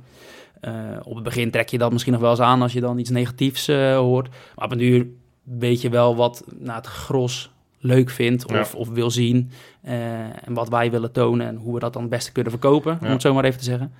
Dus ehm, eh, nou, dat, dat leer je gewoon eh, ja, door het te doen. Maar zo is er een beetje een best dooddoener, wel, maar... best wel slecht gereageerd op, eh, op de komst van die TikTok-kanaal van Feyenoord. Ja, zeker. Ja. En dat wisten we ook. Dus we, kijk, daar is ook het dubbele van. Van als je het niet doet, als je niet op TikTok zit, dan loop je achter. Als Ja. je wel op TikTok zit, dan eh, moet je daar niet op zitten, want eh is te kinderachtig. Alleen ja, voor Feyenoord is het wel een heel interessant kanaal, omdat daar veel eh, jongeren op zitten. Ja. En elk, En dat elk, zijn ook po- potentiële supporters later. ja, Ja. Elke, elke club, elk bedrijf wil, wil jongeren aan zich binden. Dat is best wel moeilijk. ja. Dus ja, TikTok is daar een manier voor. En we hebben daar best wel lang mee gewacht. Omdat we, ja, dat is bij alle Feyenoord kanalen, als we daarmee starten, dan willen we dat goed doen. Dat is ook waarom we... Want jullie Best wel zitten nu op Facebook, Twitter, Instagram, LinkedIn, TikTok. YouTube en TikTok. Toch? Ja. Of vergeet ik er dan nog een paar? Ja, nee, eh, Snapchat gebruiken we al, al lang niet meer. Oké. Eh, dus volgens Waarom mij niet? Want dat eh, Liverpool en zo, die gebruiken dat nog wel. En dat eh, voor die feeds en zo, dat is best wel interessant. Dat dan, ik kijk daar graag naar. op Instagram, toch? Ja, wat, kijk, er zijn heel veel eh, social media zijn interessant. Bijvoorbeeld Clubhouse hebben we ook een account op aangemaakt. Eh, Ja, maar dat eh, doet niemand meer. Nee, ja, je hebt YouTube, eh, Nee. YouTube Shorts heb je tegenwoordig ook. Dus dat is eh, voor de kortere video's een beetje Ja. TikTok-achtig. Eh, daar doen we ook nog niet zo heel veel mee. Ja, je moet soms ook keuzes maken. En we hebben de keuze gemaakt om Snapchat af te stoten, omdat we daar minder, voor onszelf in ieder geval minder toekomst in hebben. ik Oké, nee, prima. Hey, wat me opviel, want ik heb die nummers hier. Facebook 625.000, Twitter 496.000. Nou goed, dat weet je allemaal beter dan ik. Maar het viel me op dat YouTube, YouTube, YouTube wou ik zeggen, maar YouTube relatief zo weinig, 140.000 maar. Ja, Hoe kan dat? Terwijl dat juist misschien wat het meest interessant is met al het beeldmateriaal. Ja, ja, dat is ook echt wel iets wat, waar wij niet helemaal de vinger achter krijgen. We werken met verschillende eh, bureaus eh, samen. Soms, of verschillende bureaus. We werken met een eh, partij die video's voor ons maakt. Maar ook Ja. een, een partij die voor ons analyseert en waar de kansen liggen. En nou, als je, en dat is dus wel lastig. Kijk, dan wordt, wordt geadviseerd, je moet structureel posten. Dus bijvoorbeeld interviews na afloop van een wedstrijd. Ja, die, die plaatsen wij op YouTube snel mogelijk openbaar. Maar er zit geen regelmaat in. Oké, Want je hebt, eh, ja, de ene keer is hij eh, om half tien, de andere keer is hij om Ja. elf uur 's avonds. ja, niet Dus gespeeld. Ja. Ja, dus eh, je moet formats hebben, noem het allemaal op. Dus dat je herkenbaar bent, net zoals jullie met je podcast. ja. Ehm, en daar krijgen we niet helemaal ja, de, de grip op, om het zo maar te zeggen, dat, je, dat wij een, een, een weekplanning hebben waarin we altijd... eh, eh, nou, bijvoorbeeld Conference League wedstrijden mag je niet de volgende dag al plaatsen. Dat Oké. duurt weer een paar dagen. Allemaal technisch. Maar ja, zo'n weekplanning is gewoon heel moeilijk te maken voor, vinden wij, voor, voor een voetbalclub. En daarbij eh, ja, verschuift het ook een beetje. Dus we hebben nu, zijn nu met dit seizoen begonnen met een online videoplatform. Ehm, vanuit de gedachte. Eh, ja, ook weer een Engelse zin. Dus, eh, maar dat is, eh, die ga ik dan in het Nederlands vertalen. Ja, nee, ga ik weer in het Nederlands vertalen. Dat is, de, je moet je huis niet bouwen op andermans grond. Ja, ja. Ehm, dus nou, dat is eigenlijk wat social media is natuurlijk. Heel je database die je opbouwt op. TikTok, noem het allemaal maar op. Dat is niet van jou. En als TikTok zegt, ja, we gooien je eraf, dan, dan ben je gewoon, ja, dan ben je gewoon precies. kwijt. Dus ehm, dat online videoplatform hebben, we- zijn we mee begonnen. Ehm, en daar gaan we eigenlijk alle archiefbeelden ook in laden. Zodat we eigenlijk alles in eigen beheer hebben. Is in dat kader, ik- weet dat in de voorbereiding werd er op een gegeven moment een wedstrijd uitgezonden Ja. op Feyenoord.nl zelf. Dat, dat liep overigens niet heel nee, erg klopt, soepel. dat ging, dat ging fout. Maar Want dat was, ik, ja, eh, wat is dit nou? Daar zat ik heel vol enthousiasme te kijken en beleefd. Maar, maar dat, dat zal dan dit de gedachte zijn. Dat je dat Ja. veel meer op je eigen kanaal kan doen in plaats van dat je het op YouTube Nou, doet. een heel simpel voorbeeld. Wij hebben op YouTube-video's zitten, zitten advertenties. En regelmatig komt voor dat daar een advertentie voor zit van de presentatrice van PSV TV. Die Ja. gewoon iets aanprijst. eh, gewoon, eh, ze is freelancer, dus eh, ze ja, ook andere dus ook- klusjes. En dat, zijn, ja, dat kan ook een concurrent zijn van Europarks bijvoorbeeld. Ja, Ja. Dus eh, en, Ja, en dat heb je allemaal niet in eigen beheer. En En het is marketingtechnisch misschien ook wel interessant om zo weer adverteerders eh, naar je kanaal te precies. kijken. Waardoor weer meer geld kan genereren Ja. als Feyenoord zijn. boeiend. Ja. Ja, Ja, interessant. dus Dat dat, is dat is wel een ontwikkeling waar we, waar we nu na- mee bezig zijn. En ja, goed, dan alsnog zullen we altijd wel ook met YouTube blijven werken. Want ja, daar zit zit gewoon, dat is gewoon bijna eh, een Google. Of dat is eigenlijk eh, Ja, ja, is ja. Google voor video. Dus, ehm, eh, dus dat zal altijd naast elkaar blijven bestaan. Maar die ontwikkeling vind ik persoonlijk wel heel interessant ook. Ja. Dus binnenkort krijg je niet alleen een TikTok, maar ook een feitok. En een, en een feiter en een, een, feitboek. Ja, nee, oké. Ja, We- dat is een interessante gedachte ook, ja. Ja, nee. Groot denken, jongens, groot Ja. denken. hey, de actualiteit. Want ja, nogmaals, ik, ik, ik, ik verlies me erin omdat ik het zo interessant vind. Ja. We lopen gigantisch uit, want ik zei, dit item mag maximaal 20 minuten duren. Nou, we zitten alweer daar ver overheen. hey, de actualiteit, daar wil ik het er ook even met jou hebben over, Mitchell. Maar ook, ook eh, uiteraard met, eh, met mijn grote vriend Misha. Misha. Fijn. Want de, de, de laatste ontwikkelingen zijn van ja, eh, de komende twee, nou, of drie weken, Drie weken, worden ja. de wedstrijden zijn in de Eredivisie eruit geknikkerd. Althans, worden, Ja, de wedstrijden gaan nog door, maar er mogen er geen supporters bij zijn. Nou, dat ligt nog een beetje anders. Eh, morgen is het 16 november, Dinsdag, ja. dinsdag. En dan gaan ze in, het, eh, in de Tweede Kamer gaan ze debatteren of ze eventueel deze maatregel eraf kunnen halen. Dus Gaat daar niet gebeuren. Nee, oké. maar het zou eventueel nog kunnen dat we misschien zondag elkaar alsnog in de Kuip kunnen ontmoeten. ja. Maar de kans is niet heel groot. Nee, nee. Nee, en vervolgens... En dan, ja, wat gaan we doen? Nou ja, er is natuurlijk een aantal clubs die hebben aangegeven, volgens mij het merendeel van de clubs die hebben aangegeven, joh, zonder publiek willen wij niet spelen. Natuurlijk ook een financiële consequentie. We Ja. kennen het verhaal van vorig jaar per wedstrijd 9 Negen ton ton, omzetverlies. Dus ik snap heel goed dat Feyenoord zegt, dit, eh, dit is niet handig. Ehm, Ajax daarentegen, die zei laten we vooral doorspelen. Wat overigens niemand vertelt, wat natuurlijk het echte verhaal is, die willen natuurlijk niet in die winterstop iets doen, omdat hun halve selectie naar de Afrika Cup gaat. Want als zij Onana kwijt zijn en Mazraoui kwijt zijn en, en Haller vooral, dat, hè, dat, dat Ah. scheelt. Maar dat vertellen ze natuurlijk, want ze doen onder het motto van we willen lekker in het ritme blijven. Ja, Precies. opgesodemieterd. Ja, Echt een verhaal vertellen Ajax, maar goed.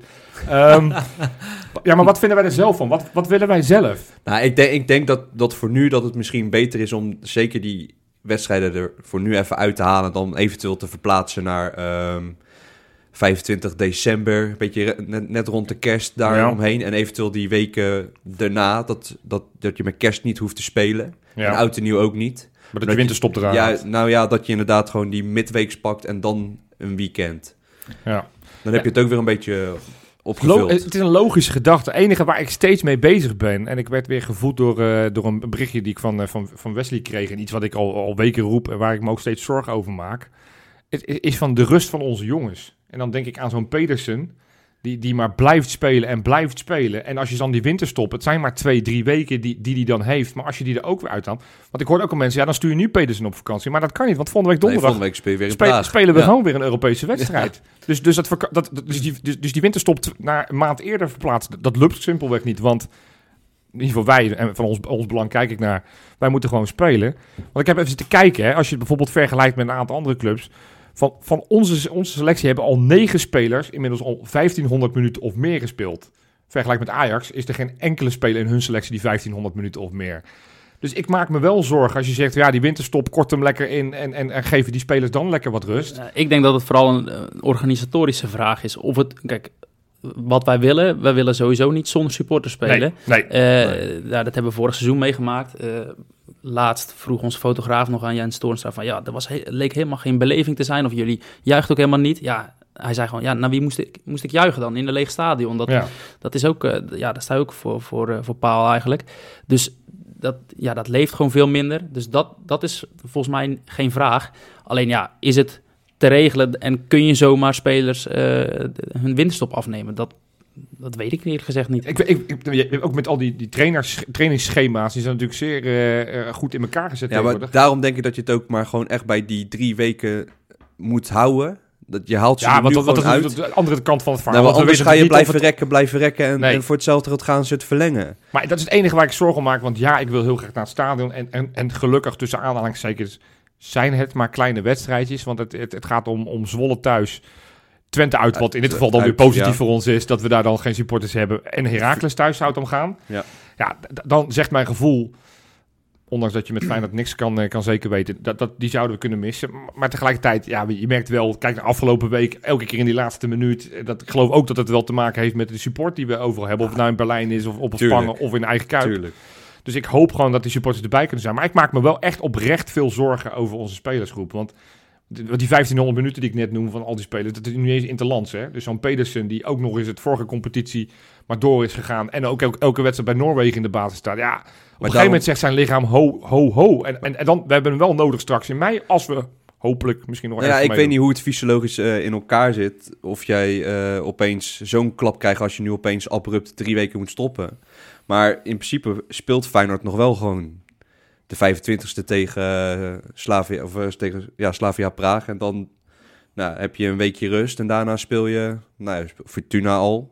Ja, nou ja, goed. en dus daarna speel je weer Maccabi. Dus heel lang ben je er ook niet echt uit. En je kan wel weer even be- een beetje op kracht komen. maar het- Dus wat dat betreft komt het voor Feyenoord ook niet zo heel slecht Nee, uit. voor, voor nu. Maar en als je dan gewoon weer als je winterstop daardoor inkort, dan heb je, dus wel, dan heb je er wel last van. Ja, want, ik- dan, dan geef je normaal gesproken twee weken spelers, of in ieder geval een week. Dus je, hoeft echt geen reet te doen. Ga lekker op Ibiza liggen, of weet ik waar je heen gaat. Maar goed, ja, weet je, het, het wordt voor ons besloten, dus we kunnen er van alles van vinden. Ja. Ik, ik, ik hoop in ieder geval dat ze een, een, een goed besluit nemen. En, en het liefst uiteraard dat we er gewoon bij zijn. Ja, we gaan straks inzoomen op eh, ja, de toekomst van Feyenoord, de social media en ook jouw rol, Mitchell, daarbinnen. Maar voordat we gaan inzoomen op, eh, op de toekomst, gaan we eerst nog even een, eh, een stukje terug in de tijd.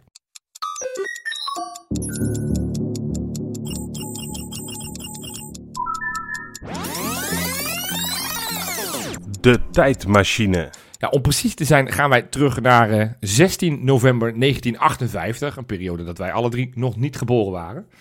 Eh Feyenoord speelde op die dag in eigen kuip tegen VVV. Het werd uiteindelijk 2-0 met goals van Cor van der Grijp en Henk Schouten. Althans, dat denken we. Want het schijnt een gigantisch mistige wedstrijd geweest te zijn. Dus de supporters hebben er vrijwel niks van kunnen meekrijgen. Dus in de tijdmachine van deze week dacht ik... Hebben jullie nou nog een bepaalde herinnering aan een wedstrijd die echt werd gespeeld onder erbarmelijke omstandigheden? Ik, dan ga, kijk ik eerst naar jou, Mitchell. Heb jij een, eh, een wedstrijd die, eh, die je graag in de groep wil gooien? Ja, de wedstrijd waar ik eh, dan aan denk is de bekerwedstrijd tegen eh, Willem II. 2017, 2018. Oh. eh.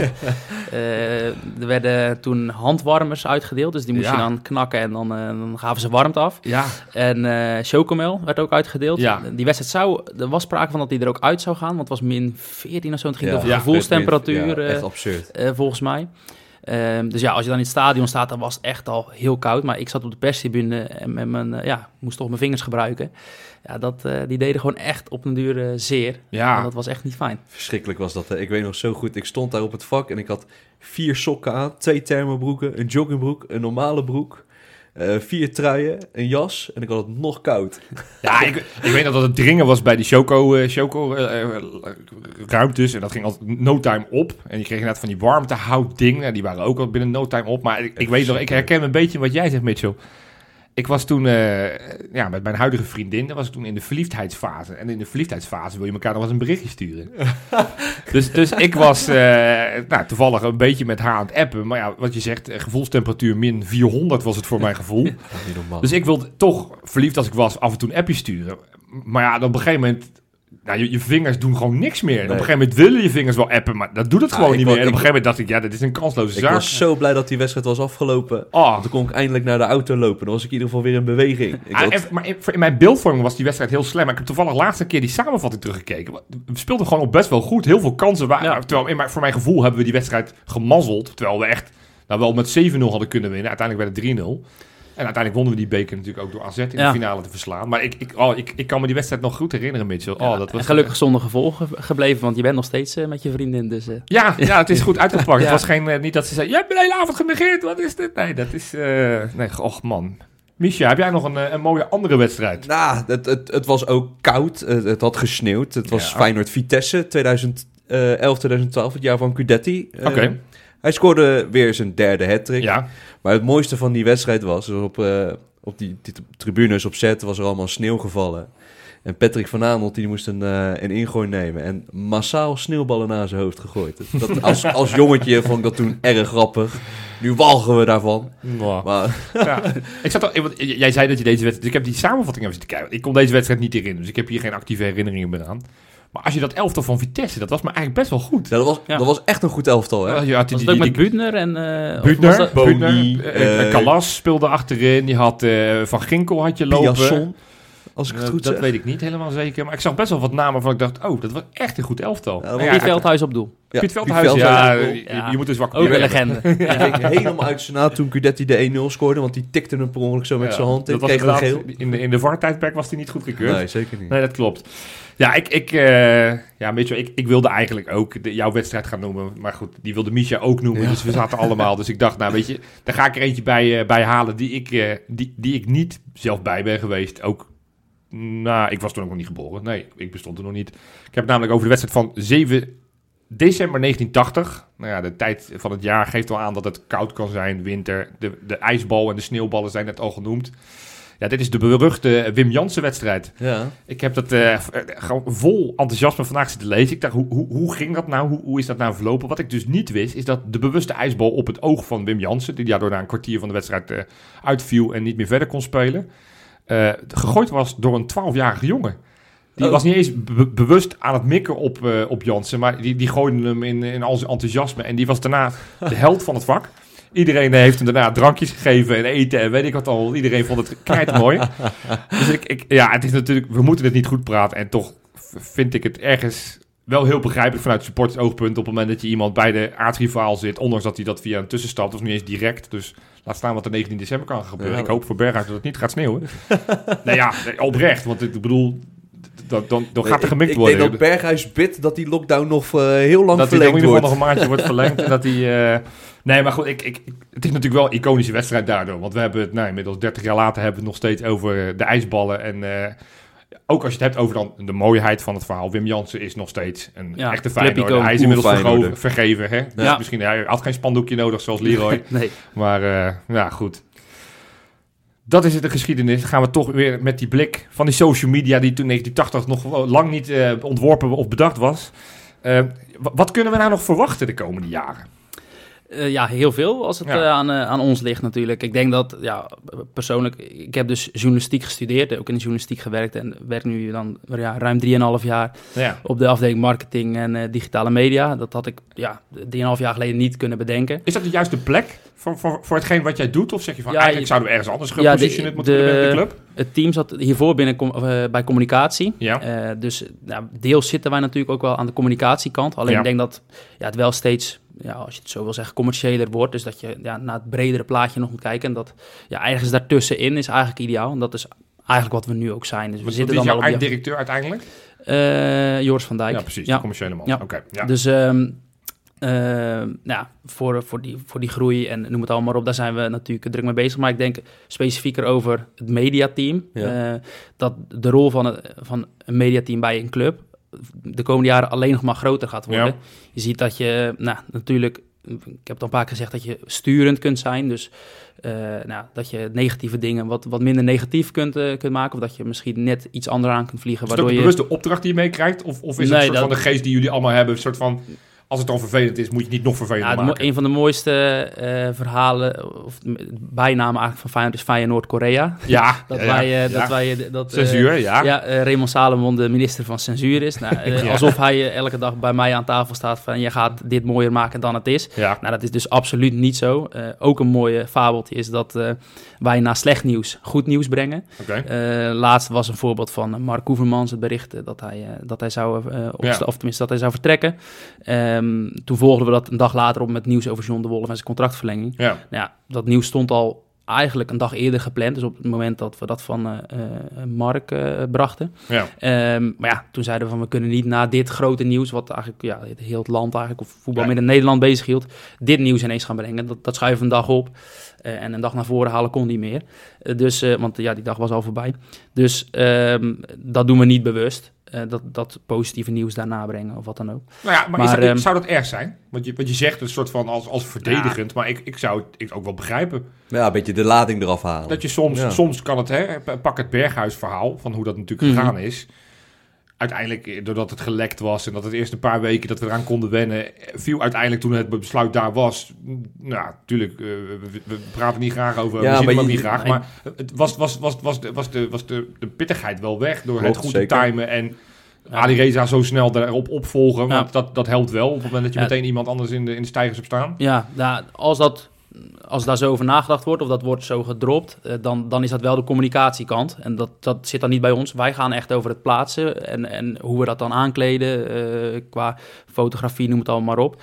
Ehm, en wij denken er niet op zo'n manier over na. Dat we bewust gaan schuiven van oké, we moeten dan... eh, we kunnen wel zeggen van oké, we moeten het niet op deze dag plaatsen, want dat volgt elkaar niet heel lekker op. Ja. Dus daarin hebben we nog wel een adviserende rol, maar niet, niet zo'n sturende rol of wat dan ook. Hebben jullie nog binnen Feyenoord dat je zoiets hebt van... nou, eh, in, in, in dit soort content willen we nog veel groter worden? Ja, nou, Marcos Senesi, de documentaire, Ja. is, eh, is daar een goed voorbeeld van. Ik ben daar zelf niet heel direct bij betrokken geweest, maar zijdelings. Alleen dat is wel iets wat wij als team ook hebben uitgesproken, en eigenlijk als afdeling voor de, de komende jaren, dat we ja, veel meer naar dat soort producties eh, Want toe hoe, willen. hoe, hoe- hoe komt zoiets tot stand? Want dit is een productie vanuit jullie zelf. Dus Feyenoord heeft zelf hier bedacht van we gaan nu Senesi naar, naar buiten brengen en hem groot maken. Dat is zo Ja, nou, er, is, er is eigenlijk een idee eh, opgekomen. Dus iemand die in eh, Argentinië ook werkzaam was, die heeft gezegd: Nou, ik, ik wil ook wel wat voor jullie doen. En kunnen we daar misschien iets samen in optrekken? Ja. Ehm, dus die, is eh, eigenlijk aan de slag gegaan in Argentinië. Heeft eh, ja, iedereen gesproken, tot en met eh, de videoanalist van zijn vorige club aan toe. Waardoor het echt, ja, wat mij betreft, in ieder geval een beetje w- bij van WC1. Maar een hele complete documentaire is geworden Ja. over hoe hij is en hoe hij die reis van Concordia naar Rotterdam heeft gemaakt. Nou, dat is wel waar wij meer naartoe willen. We hebben natuurlijk wel, en dat is ook contractueel, hoort dat zo, maken wij, eh, of maakt die partij B-Mate eh, eh, documentaires voor ESPN, ook. Ja. Ehm, En Sinisterra onder andere. ja, ja, daar, zijn we, eh, daar hebben ze natuurlijk heel kort op zijn revalidatieproces Ja. gezeten. Dus maar met dat soort verhalen, eh, om, om het dan even wat specifieker zo te benoemen, daar zijn we echt, daar willen we ja, tijd, maar ook, dus ook geld in investeren de komende, komende er jaren. aan te om- komen? Is, Ja. zijn jullie ja, er misschien zijn, er, er meer- zijn zeker wel plannen. Willen jullie maar- meer een beetje de exclusive kant op gaan? Dat je dat soort Nee. dingen alleen bij Feyenoord kan kijken in plaats van Nou, bij waar- een ESPN? Ja, nou, dat niet eens zozeer, maar wel dat je, want dat bedoelde ik ook met de rol van mediateams van, van clubs worden alleen maar groter, denk ik, is omdat je natuurlijk die exclusieve toegang hebt. Dus Ja. nou, ik noemde van, we zijn eh, bewust eh, plannen gaan bedenken voor dit seizoen. Een van die onderdelen daarvan was dat we ook met de directie hebben besproken dat er iemand vanuit ons team op 1908 eh, moest zitten. eh, om nou ja, daar een soort van, nou, het gaat vaak over bruggen bouwen, eh, maar dat er een brug gebouwd moest worden tussen de Kuip en eh, 1908. Dus dat mensen, of dat één iemand zat eigenlijk die nog beter begreep dan de mensen die al op 1908 zitten van oké, wat, is, wat is het schema van, van het team, en, maar wat zijn ook de wensen van, vanuit commercieel oogpunt, nou, of van Media specifiek. Mhm. En eh, nou, dat ben ik eh, geworden. En dat vind ik heel interessant, want ja, ik weet heel goed eh, ja, wat de wensen zijn van bijvoorbeeld marketingcollega's of van partnerships. Of, nou, die melden zich ook bij mij en bij de teammanager eigenlijk meestal. En ja, mijn rol is een beetje om dat, ja, om combinaties te zoeken. Dus nou, we hebben spelers voor actuele zaken nodig, bijvoorbeeld een voorbeschouwingsinterview, ik noem maar even een voorbeeld. Ja. Nou, stel we hebben Jens Toornstra daarvoor eh, en Jens moet ook iets inspreken voor eh, eh, winactie van Europarks. Dat je die koppelingen maakt, dat, heeft, dat, dat klinkt als iets heel kleins, alleen dat scheelt gewoon weer een verzoek Ja. op 1908. Ja. Eh, Dus uiteindelijk is dat een van de voordelen die wij, nou, die ze op 1908 ervan hebben, maar ook in de Kuip, om het zo maar even te zeggen. Ja, en bijkomend voordeel is dat je dus ook een herkenbaar gezicht wordt op 1908, dus voor spelers. Maar dat geldt dan niet alleen voor mij, dat ik daar ben, maar ook dat mijn collega's daar, daar vaker zijn. Zodat je gewoon eigenlijk een onderdeel wordt van het team van 1908. En ja, ik denk dat er al wel, het is nog maar heel, ja, prematuur, eh, om het met een duur woord te zeggen, maar, want het is nog maar een half seizoen of nog niet eens. Alleen je hebt al best wel wat voorbeelden gezien. Bijvoorbeeld Brian Linsen, die eh, nou, gewoon oprecht zo reageerde toen hij eh, die prijs van Jens Toornstra zag, die, die, eh, die hij niet kreeg. Dat is Zo goed, van de maand, ja. Ik zei tegen Jens, ik loop met je mee naar binnen en ik ga gewoon filmen, want ik ben wel benieuwd naar zijn reactie.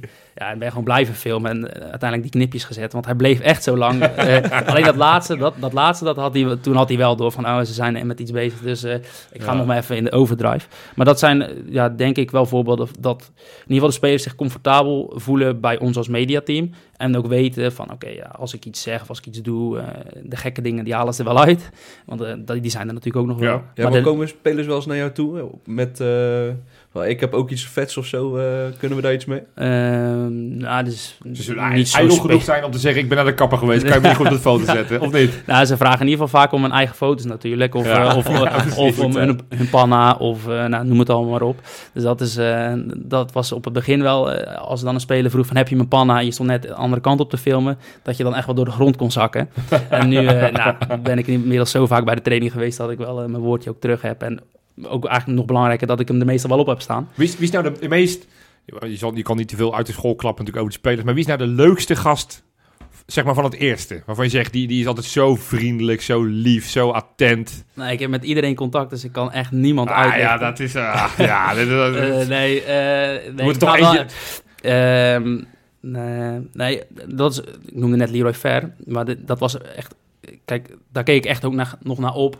Als in de zin dat ik vroeger... dat kleine mascottetje. ja, dat ik hem eh, Dat nog, ik nog eh, had zien voetballen. En, maar dat is ja, zo'n topgozer die... die en ook wel jammer dat hij weg is. eh, eh, want ja, hij, als je hem iets vroeg, stond hij meteen aan. En hij wist, ja, wat ik zelf bijvoorbeeld wel bijzonder vond in die coronaperiode, heeft hij op het Feyenoord eh, Instagram-kanaal, op, op stories hadden we toen, had ik dus een hele Ja. dag contact met hem. Dus een dag uit zijn leven. Ja. Maakte hij bekend dat hij eh, weer vader werd. Ja, Ja. vond ik best wel uniek. Ja. Eh, dus met hem kon ik echt, ja, in ieder geval professioneel vlak is het wel hoor, maar gewoon goed opschieten. En eigenlijk met alles, ja, dat is ook niet gelogen, met alle spelers van nu, nu ook wel. Zij weten wel. Zijn er spelers die je moet afremmen? Ik noem misschien Aliou Balde. Of... Eh, ja, Aliou is, eh, ja, die kun je ook moeilijk afremmen, want dat gaat gewoon op Instagram live. dus, eh, en dat is ook niet, niet zozeer onze rol, maar, maar wel... ehm, eh, Adviseer je hem wel eens dan? nee, ja, dat is wel mooi. Een van zijn. eh, kijk, hij, hij spreekt Frans. Ja. Dus ehm, hij vroeg toen om foto's of zo. En het was een eerste contact liep via eh, teammanager Frank eh, Boer. ja. En uiteindelijk kreeg hij mijn nummer, omdat hij ja, steeds maar bleef vragen om, om foto's. en, eh, dus toen stuurde ik, eh, stuurde ik eh, foto's naar hem. En eh, toen eh, stuurde hij terug, eh, vertaald vanuit het Frans: Thank you, my love. Oh, dus ik zei dat ik denk dat ik op moet gaan passen. eh, maar eh, dat eh, wa- was heel goed bedoeld. mooi. Dus, eh, Hey, het laatste, en dan moeten we echt richting de afronding. Ja. Hey, Eentje, eh, althans misschien niet het laatste, maar wat ik in, in- in- wel interessant vond. ehm, jij bent ook degene die uiteindelijk het artikel geschreven heeft met, eh met Gertruida. Ja. Hoe, hoe is dat tot stand gekomen? Want dat was een ontzettend mooi interview. Eigenlijk zijn eerste interview, omdat hij altijd een beetje terughoudend was vanwege zijn stotteren. ja. Hoe, hoe is dat gegaan? Nou, ik, ik ben, eh, ik zeg niet graag dat ik, dat ik ergens trots op ben of zo, maar dat is wel echt het, hetgene waar ik het meest trots op ben wat ik eh, heb gemaakt in mijn tijd bij, bij Feyenoord. Ook omdat het wel dicht ook bij journalistiek ligt eigenlijk. Ja. Ik eh, kwam bij Feyenoord en ja, toen werd al wel gauw bekend. Dan zeg je een keer van, nou, we moeten we Geert Ruida niet voor de camera hebben. En toen eh, werd gezegd van, nou, dat, dat is eigenlijk niet, eh, ja, dat, dat wil je liever nog niet, want hij, hij, eh, hij stottert en nou, daar moeten wij ook wel als club iets mee. Maar nou, we willen dat eigenlijk goed naar buiten brengen. Ehm, en eigenlijk ben ik daar toen opgezet van, joh, als we daar een keer wat mee gaan doen voor het Feyenoord Magazine, zou jij dat dan willen maken? Nou, Ja. dat wilde ik wel natuurlijk. Dus eh dan spreek ik over 3,5 jaar geleden. Ehm, en ja, we hebben toen een opzet gemaakt. En uiteindelijk heeft ook de familie gezegd van... Nou, we willen eigenlijk dat hij gewoon doorbreekt als voetballer. Dat vinden we eigenlijk belangrijker dan dat we nu zo'n verhaal naar buiten gaan brengen. Ja. En dat begreep ik ook wel. Dus eh, dat heeft eigenlijk een tijdje stilgelegen. Maar ik had toen wel al heel veel mensen gesproken en gebeld. En eh Luciaro, zo moet je het dus zeggen, dat Ja. leerde ik eh, later. Dus ehm, die, ehm, die vond dat, eh, nou, die, die heb ik daar ook nog... Eigenlijk alles wat hij deed. En Dus als hij naar een opening ging van eh, een fanshop, dan ging ik daar naartoe. gewoon om erbij te zijn, om sfeer, ja, ook een beetje sfeer te proeven. Ja. Voor als dat verhaal er ooit mocht komen. Dat hij ook een goed gevoel bij je heeft om zijn verhaal te vertellen. Ja. Ja. Precies. En eh, ehm, nou, uiteindelijk denk ik dat, dat, ja, dat het zo wel een beetje gegroeid is. En toen ging het alsnog in een stroomversnelling, want ja, hij ontwikkelde zich echt stormachtig. Eh, sp- ging veel spelen onder advocaat en, en ging het goed doen. En toen heeft ESPN, of Jan Joost van Gangel heeft het in een uitzending eh, gezegd. Ja. Dus ja, toen was het ineens bekend. En eh, we zaten net voor een deadline van een Feyenoord magazine. Dus toen vroeg de coördinator van ja, wil jij dat verhaal maken? Eh, Het zal misschien geen 9 kunnen worden, maar eh, ja, laten we in ieder geval voor eh 7,5 of een 8 gaan. Ja, dat, ja, ik zeg, ik wil gewoon vrijmaken nu. Ik heb, ik heb dan ook mijn agenda helemaal leeggemaakt, eh met dank aan mijn collega's. Ja. Ik zeg, ja, ik wil wel voor die 9 gaan. En eigenlijk voor die 10, dat, ja, dat zit ook gewoon een beetje in me. Ik heb er jarenlang eigenlijk een soort van in geïnvesteerd. eh, om eh, dit verhaal netjes te Precies. kunnen vertellen. Quality boven quantity. Ja, precies. Ja. En, eh, ja. en dat, eh, dat, ja, dat is dan ook gelukt met, met medewerking van eh, ja, Luciano zelf, maar ook van, eh, van zijn familie. Veel met zijn moeder ook gesproken en heel veel ja, bijzondere informatie eh, mogen krijgen. Ja, en echt een verhaal gemaakt waar ik echt uren en uren en uren aan en ja, zitten, heb zitten slijpen. En dat vind ik toch wel het leukste eigenlijk, Ja. met tekst eh, spelen. En ehm, ja, er is uiteindelijk een verhaal uitgekomen wat, en dat vind ik eigenlijk nog het belangrijkste, wat heel positief heeft uitgepakt voor, Ja. voor Luciano. Want Ja. ja, ik denk dat iedereen er wel een beetje bang voor was wat, eh, de impact zou zijn als dat bekend zou worden. Maar door dat verhaal daarbij te vertellen, ehm, ja, werd dat heel goed ontvangen eigenlijk. Ja, En absoluut. dat hij zich helemaal geen zorgen hoeft te maken over dat hij... eh, Nou ja, complimenten. Ja, het was een heel fijn, mooi eh, zou verhaal, integer. Dus ik, eh, ik heb het met heel veel plezier gelezen. En wat je zegt, het heeft hem totaal niet geschaad. nee, Iedereen weet gewoon hoe het is. En ik denk dat het alleen maar positief voor hem kan werken, nu Ja. iedereen weet hoe het zit. Ja. Hey, laatste vraag. En dan, eh, dan gaan we echt, echt richting de afronding. Ja, ik ben toch een beetje lang van stof, denk ik. eh. Ja, Nee, ja, helemaal of, niks. of, of wij, wij, wij zijn heel lang met onze vragen, dat kan natuurlijk ook. Ehm, of, of de materie is gewoon heel interessant. Ik denk dat het vooral dat laatste is. Ja. Persoonlijke doelstellingen. Want je hebt natuurlijk heel veel verteld over de club en over waar jullie mee bezig zijn als club. Eh, Heb je zelf nog een stip op de horizon waarvan je zegt, nou, het zou tof zijn als ik over twee jaar puntje, puntje, puntje heb gedaan, gemaakt, geschreven enzovoort. Nou, d- wat best wel lastig is natuurlijk, is dat je... Dat ik droomde ooit van werken in de Kuip. En, Ja, eh, ja, dat is ik gelukt. Heb, ja, ik heb dat, vink, ja, ja. dus die droom, dat, dat was Ja. eigenlijk mijn grootste droom. Ja, ja, kan je wel stoppen? Ja, ik, ja, moet je dan stoppen? Toen was ik je ben al maar grootste droom. 27 jaar. In de Kijk Loel podcast, nou, ja, ook nou, ook, eh, ook Ja, af- wat af moet je nu nog? Nee, dus ik, eh, ik, ik ben wel echt blij met, met deze nieuwe rol die ik, waar ik het dus net over had. Eh, ook omdat ik, nou, niet omdat ik het nou zo interessant vind om dicht op die spelers te zitten, maar wel eh, dat dat bepalend is voor, eh, of mede bepalend is voor het beeld dat supporters van Feyenoord en van de ploeg hebben. Ja. Dus zonder dat wij iets in scène zetten, maar dat je gewoon vastlegt hoe dat is. Nou, we hebben daar nog heel veel plannen voor. Je vroeg net van, zijn er plannen? Nou, er liggen heel veel plannen. We zijn ook al met een aantal plannen bezig om, om ja, dat exclusieve waar jij het over had, Misha, om dat nog meer naar, naar voren te brengen. Ook veel, nog meer, veel meer nog met video. Ehm, en wat ik dus de komende jaren eh, hoop te bewerkstelligen, samen met het team, maar mijn rol dan specifiek, is om eh, eh, ja, op 1908 of eigenlijk het exclusieve qua content mogelijk te kunnen maken. Ja. Dus dat ik zelf dingen maak, dat, dat vind ik ook nog steeds eigenlijk het leukste. Maar dat ik het ook mogelijk maak dat, dat andere collega's daar eh, aan het werk kunnen gaan. En dat ik ja, het, eh, de collega's op 1908 ook zo fijn mogelijk maak. Dus eh, dat we ze ja, minst belasten. Eh, want ja, uiteindelijk draait het om zondagmiddag half drie, zeggen we altijd. Ja. Eh, en eh, hopelijk ook nog vaak donderdagavonden. Maar dat, eh, precies, ja. Ja, Maar dat we daar, een dinsdag of een woensdagavond. Ja, uiteindelijk dat nog helemaal, ja. Ja. Dus het is af als, eh, als we in de Champions League finale staan en eh, dan, eh, dan, is, dan is het af. Dus dat, dat is dan de stip aan de horizon. Ja, mooi. Voordat wij de, de, de luisteraars gaan bedanken voor, voor het luisteren naar deze podcast, wil ik, ja, wil- hebben we eigenlijk, eigenlijk zaten we te denken, de derde item moeten we eigenlijk op een andere manier invullen deze week. Want en normaal gesproken zijn jullie van ons gewend dat we onze patronen op gaan, gaan noemen. Nou, zoals je al gemerkt hebt, Mitchell, vorige week hadden wij een, een bepaalde speler in onze podcast.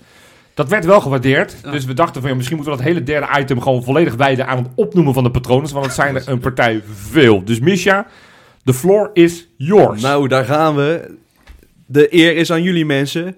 Ivo Hoornweg, Daan Adriaanse, Sven Buitendijk, Olaf van Honschoten, Martin Jan Post, Danny Jasper, Reinaldo, VD VD, Laurens Klein, Matthijs VZV, Martijn van L, Elko Mussert, Feyenoord Londen, Daan, Doek van Issen, Isa, Kees Bennaar, Jerry de Groot, Tom, Cor Enema, Daniel Metselaar, Jan Wolf, Thijs, Niels VP, Frank Haasnoot, Jason Maas, Merel, Mano Verscharen. Dit zijn allemaal nieuwe patronen, Jopie. Beetje de lengte van En- het gemiddeld antwoord van mij eh, deze avond.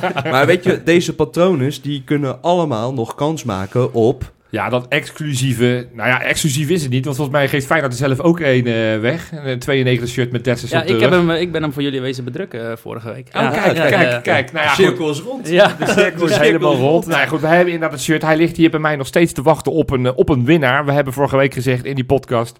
als je patron bent en je maakt een mooi filmpje, een mooie post... nou ja, maak Mitchell trots. Dus Mitchell zit bij deze ook in de uiteindelijke comité... om te besluiten wie het gaat worden, want die heeft er verstand van. Vind ik een hele goeie. Dus maak een mooi filmpje, plaatje, whatever... eh, waarin je, ja, celebrate like Cyril... en hoe je het invult mag je zelf weten. We hebben al een paar mooie inzendingen binnen... Maar eh, ja, ik verwacht van een van al die patronen die je net op hebt genoemd... of al die andere die, die al patron zijn... Op zijn minst even een mooi filmpje. Ik eh, doe je best. Ik bedoel, dat shirt is, eh, is, is- ligt voor het oprapen bijna, zou ik zeggen. en Dus, hoe eh, kunnen ze dat doen, Jopie? Nou ja, dat heb ik net verteld, hoe je het filmpje moet maken. Ja, nee, maar Als waar je- kunnen ze patroon worden Ja, maar dat kan nog mee tot, tot donderdag is uiteindelijk, dan gaan we uiteindelijk de winnaar bekendmaken. En dat kan op eh, ja, kangaloo.nl en daar staat, eh, staat het een en ander over hoe je lid van ons kan worden. En dat wordt erg gewaardeerd en, en, en daardoor kunnen wij ook nou, steeds beter worden. Jij hebt het net, Mitchell, over eh, de, kwaliteit, impuls en kwaliteit boven kwantiteit. We hebben natuurlijk meer podcasts gemaakt dit seizoen. Maar we willen ook steeds meer maken, mooiere dingen maken, eh, kwaliteit leveren, dichter ook op Feyenoord. Het lijkt net alsof ik het verhaal van Mitchell ga zitten Ja, goed hè? Ook dezelfde lengte, dus nou, ja, eh, hou je vast. ja. Je bent aan het solliciteren of niet? eh, Nee, nee, helemaal niet. Nee, dus, dus nou ja, voor al die mensen van, wij, wij waarderen dat zeker en wij kunnen alle steun kunnen wij goed gebruiken. Maar Punt. ik heb nog wel even één dingetje. Oké. Want volgens mij heeft Mitchell iets heel moois voor een van onze companen, of niet? Ja, ja ik, mijn naam is eh, laatst genoemd in eh, een van de podcasts eh, hier. Ja. eh, werd ik eh, op gewezen. in een bolletje kapen. ja, want iemand wilde, eh, Ja. Robin wilde graag eh, social media, die- tenminste hij wilde zijn wat ik was. Eigenlijk Dus, wel, ja. Hij beschreef iets wa- ja. waarop Wesley zei, ja, maar dat bestaat al, dat is Mitchell. Ja, ja, dus Precies. eh, ja, en ben, ik en ook mijn collega's, maar inderdaad, ik sta best wel vaak bij de, bij de training ook of bij de wedstrijden. Ja, En eh, hij wilde graag eh, ja, content creator worden of mediamannetje. ja. Eh, maar ik wilde hem eigenlijk vragen om een keer mee te lopen, want dat lijkt eh, Nou. ons wel leuk, maar ik, ik hoop hem ook. Robin, Ja. als jij dit hoort, jongen, jij, jij Je springt uit je stoel. springt uit een zetel. zetel. Uit een zetel. nou, dat is alles rond. Ja. Nee, eh, Mitchell, on- ontzettend bedankt eh, voor jouw tijd, jouw uitgebreide tijd, voor al jouw antwoorden en je openheid van, eh, van hoe het achter de schermen gaat. Een, een onderdeel waar misschien niet heel veel mensen weten van hebben, of kennis van hebben, maar ik reet interessant vind. En ik sluit niet uit dat we nog een keer een tweede sessie gaan doen, want ik, wat ik zeg, ik heb hier een lijst met nog twintig vragen die ik niet eens heb ik, kunnen ik bespreken. ben al lang in mijn antwoorden, maar Ja, ja, nou, ik dat heb nog zoveel niks. meer te vertellen. Precies, nee, dus, dus dank daarvoor. En dank voor de Ik, ik zeg er wel bij, hè, op het moment dat er dan een keer weer een speler aangekondigd wordt, denk ook eens Bijvoorbeeld een keer aan- Wijnaldum, want de, de, de, Denk de, eens de aan- brainstorm is nog niet voorbij. Ik, ik kan ook eventueel aan het einde van die roltrap staan om met dat shirtje te staan. Als het echt moet. Ik bedoel, ik ben bereid om mee te werken aan, eh, aan de doelen van Ja. Feyenoord om Uh, uiteindelijk te Willem groeien. Van Hanegem, Jopie en Ali Reza. Nou, en dan, je- nou, dat- dan zijn we er denk ik Dan wel. zijn we. Mensen bedankt en tot volgende week.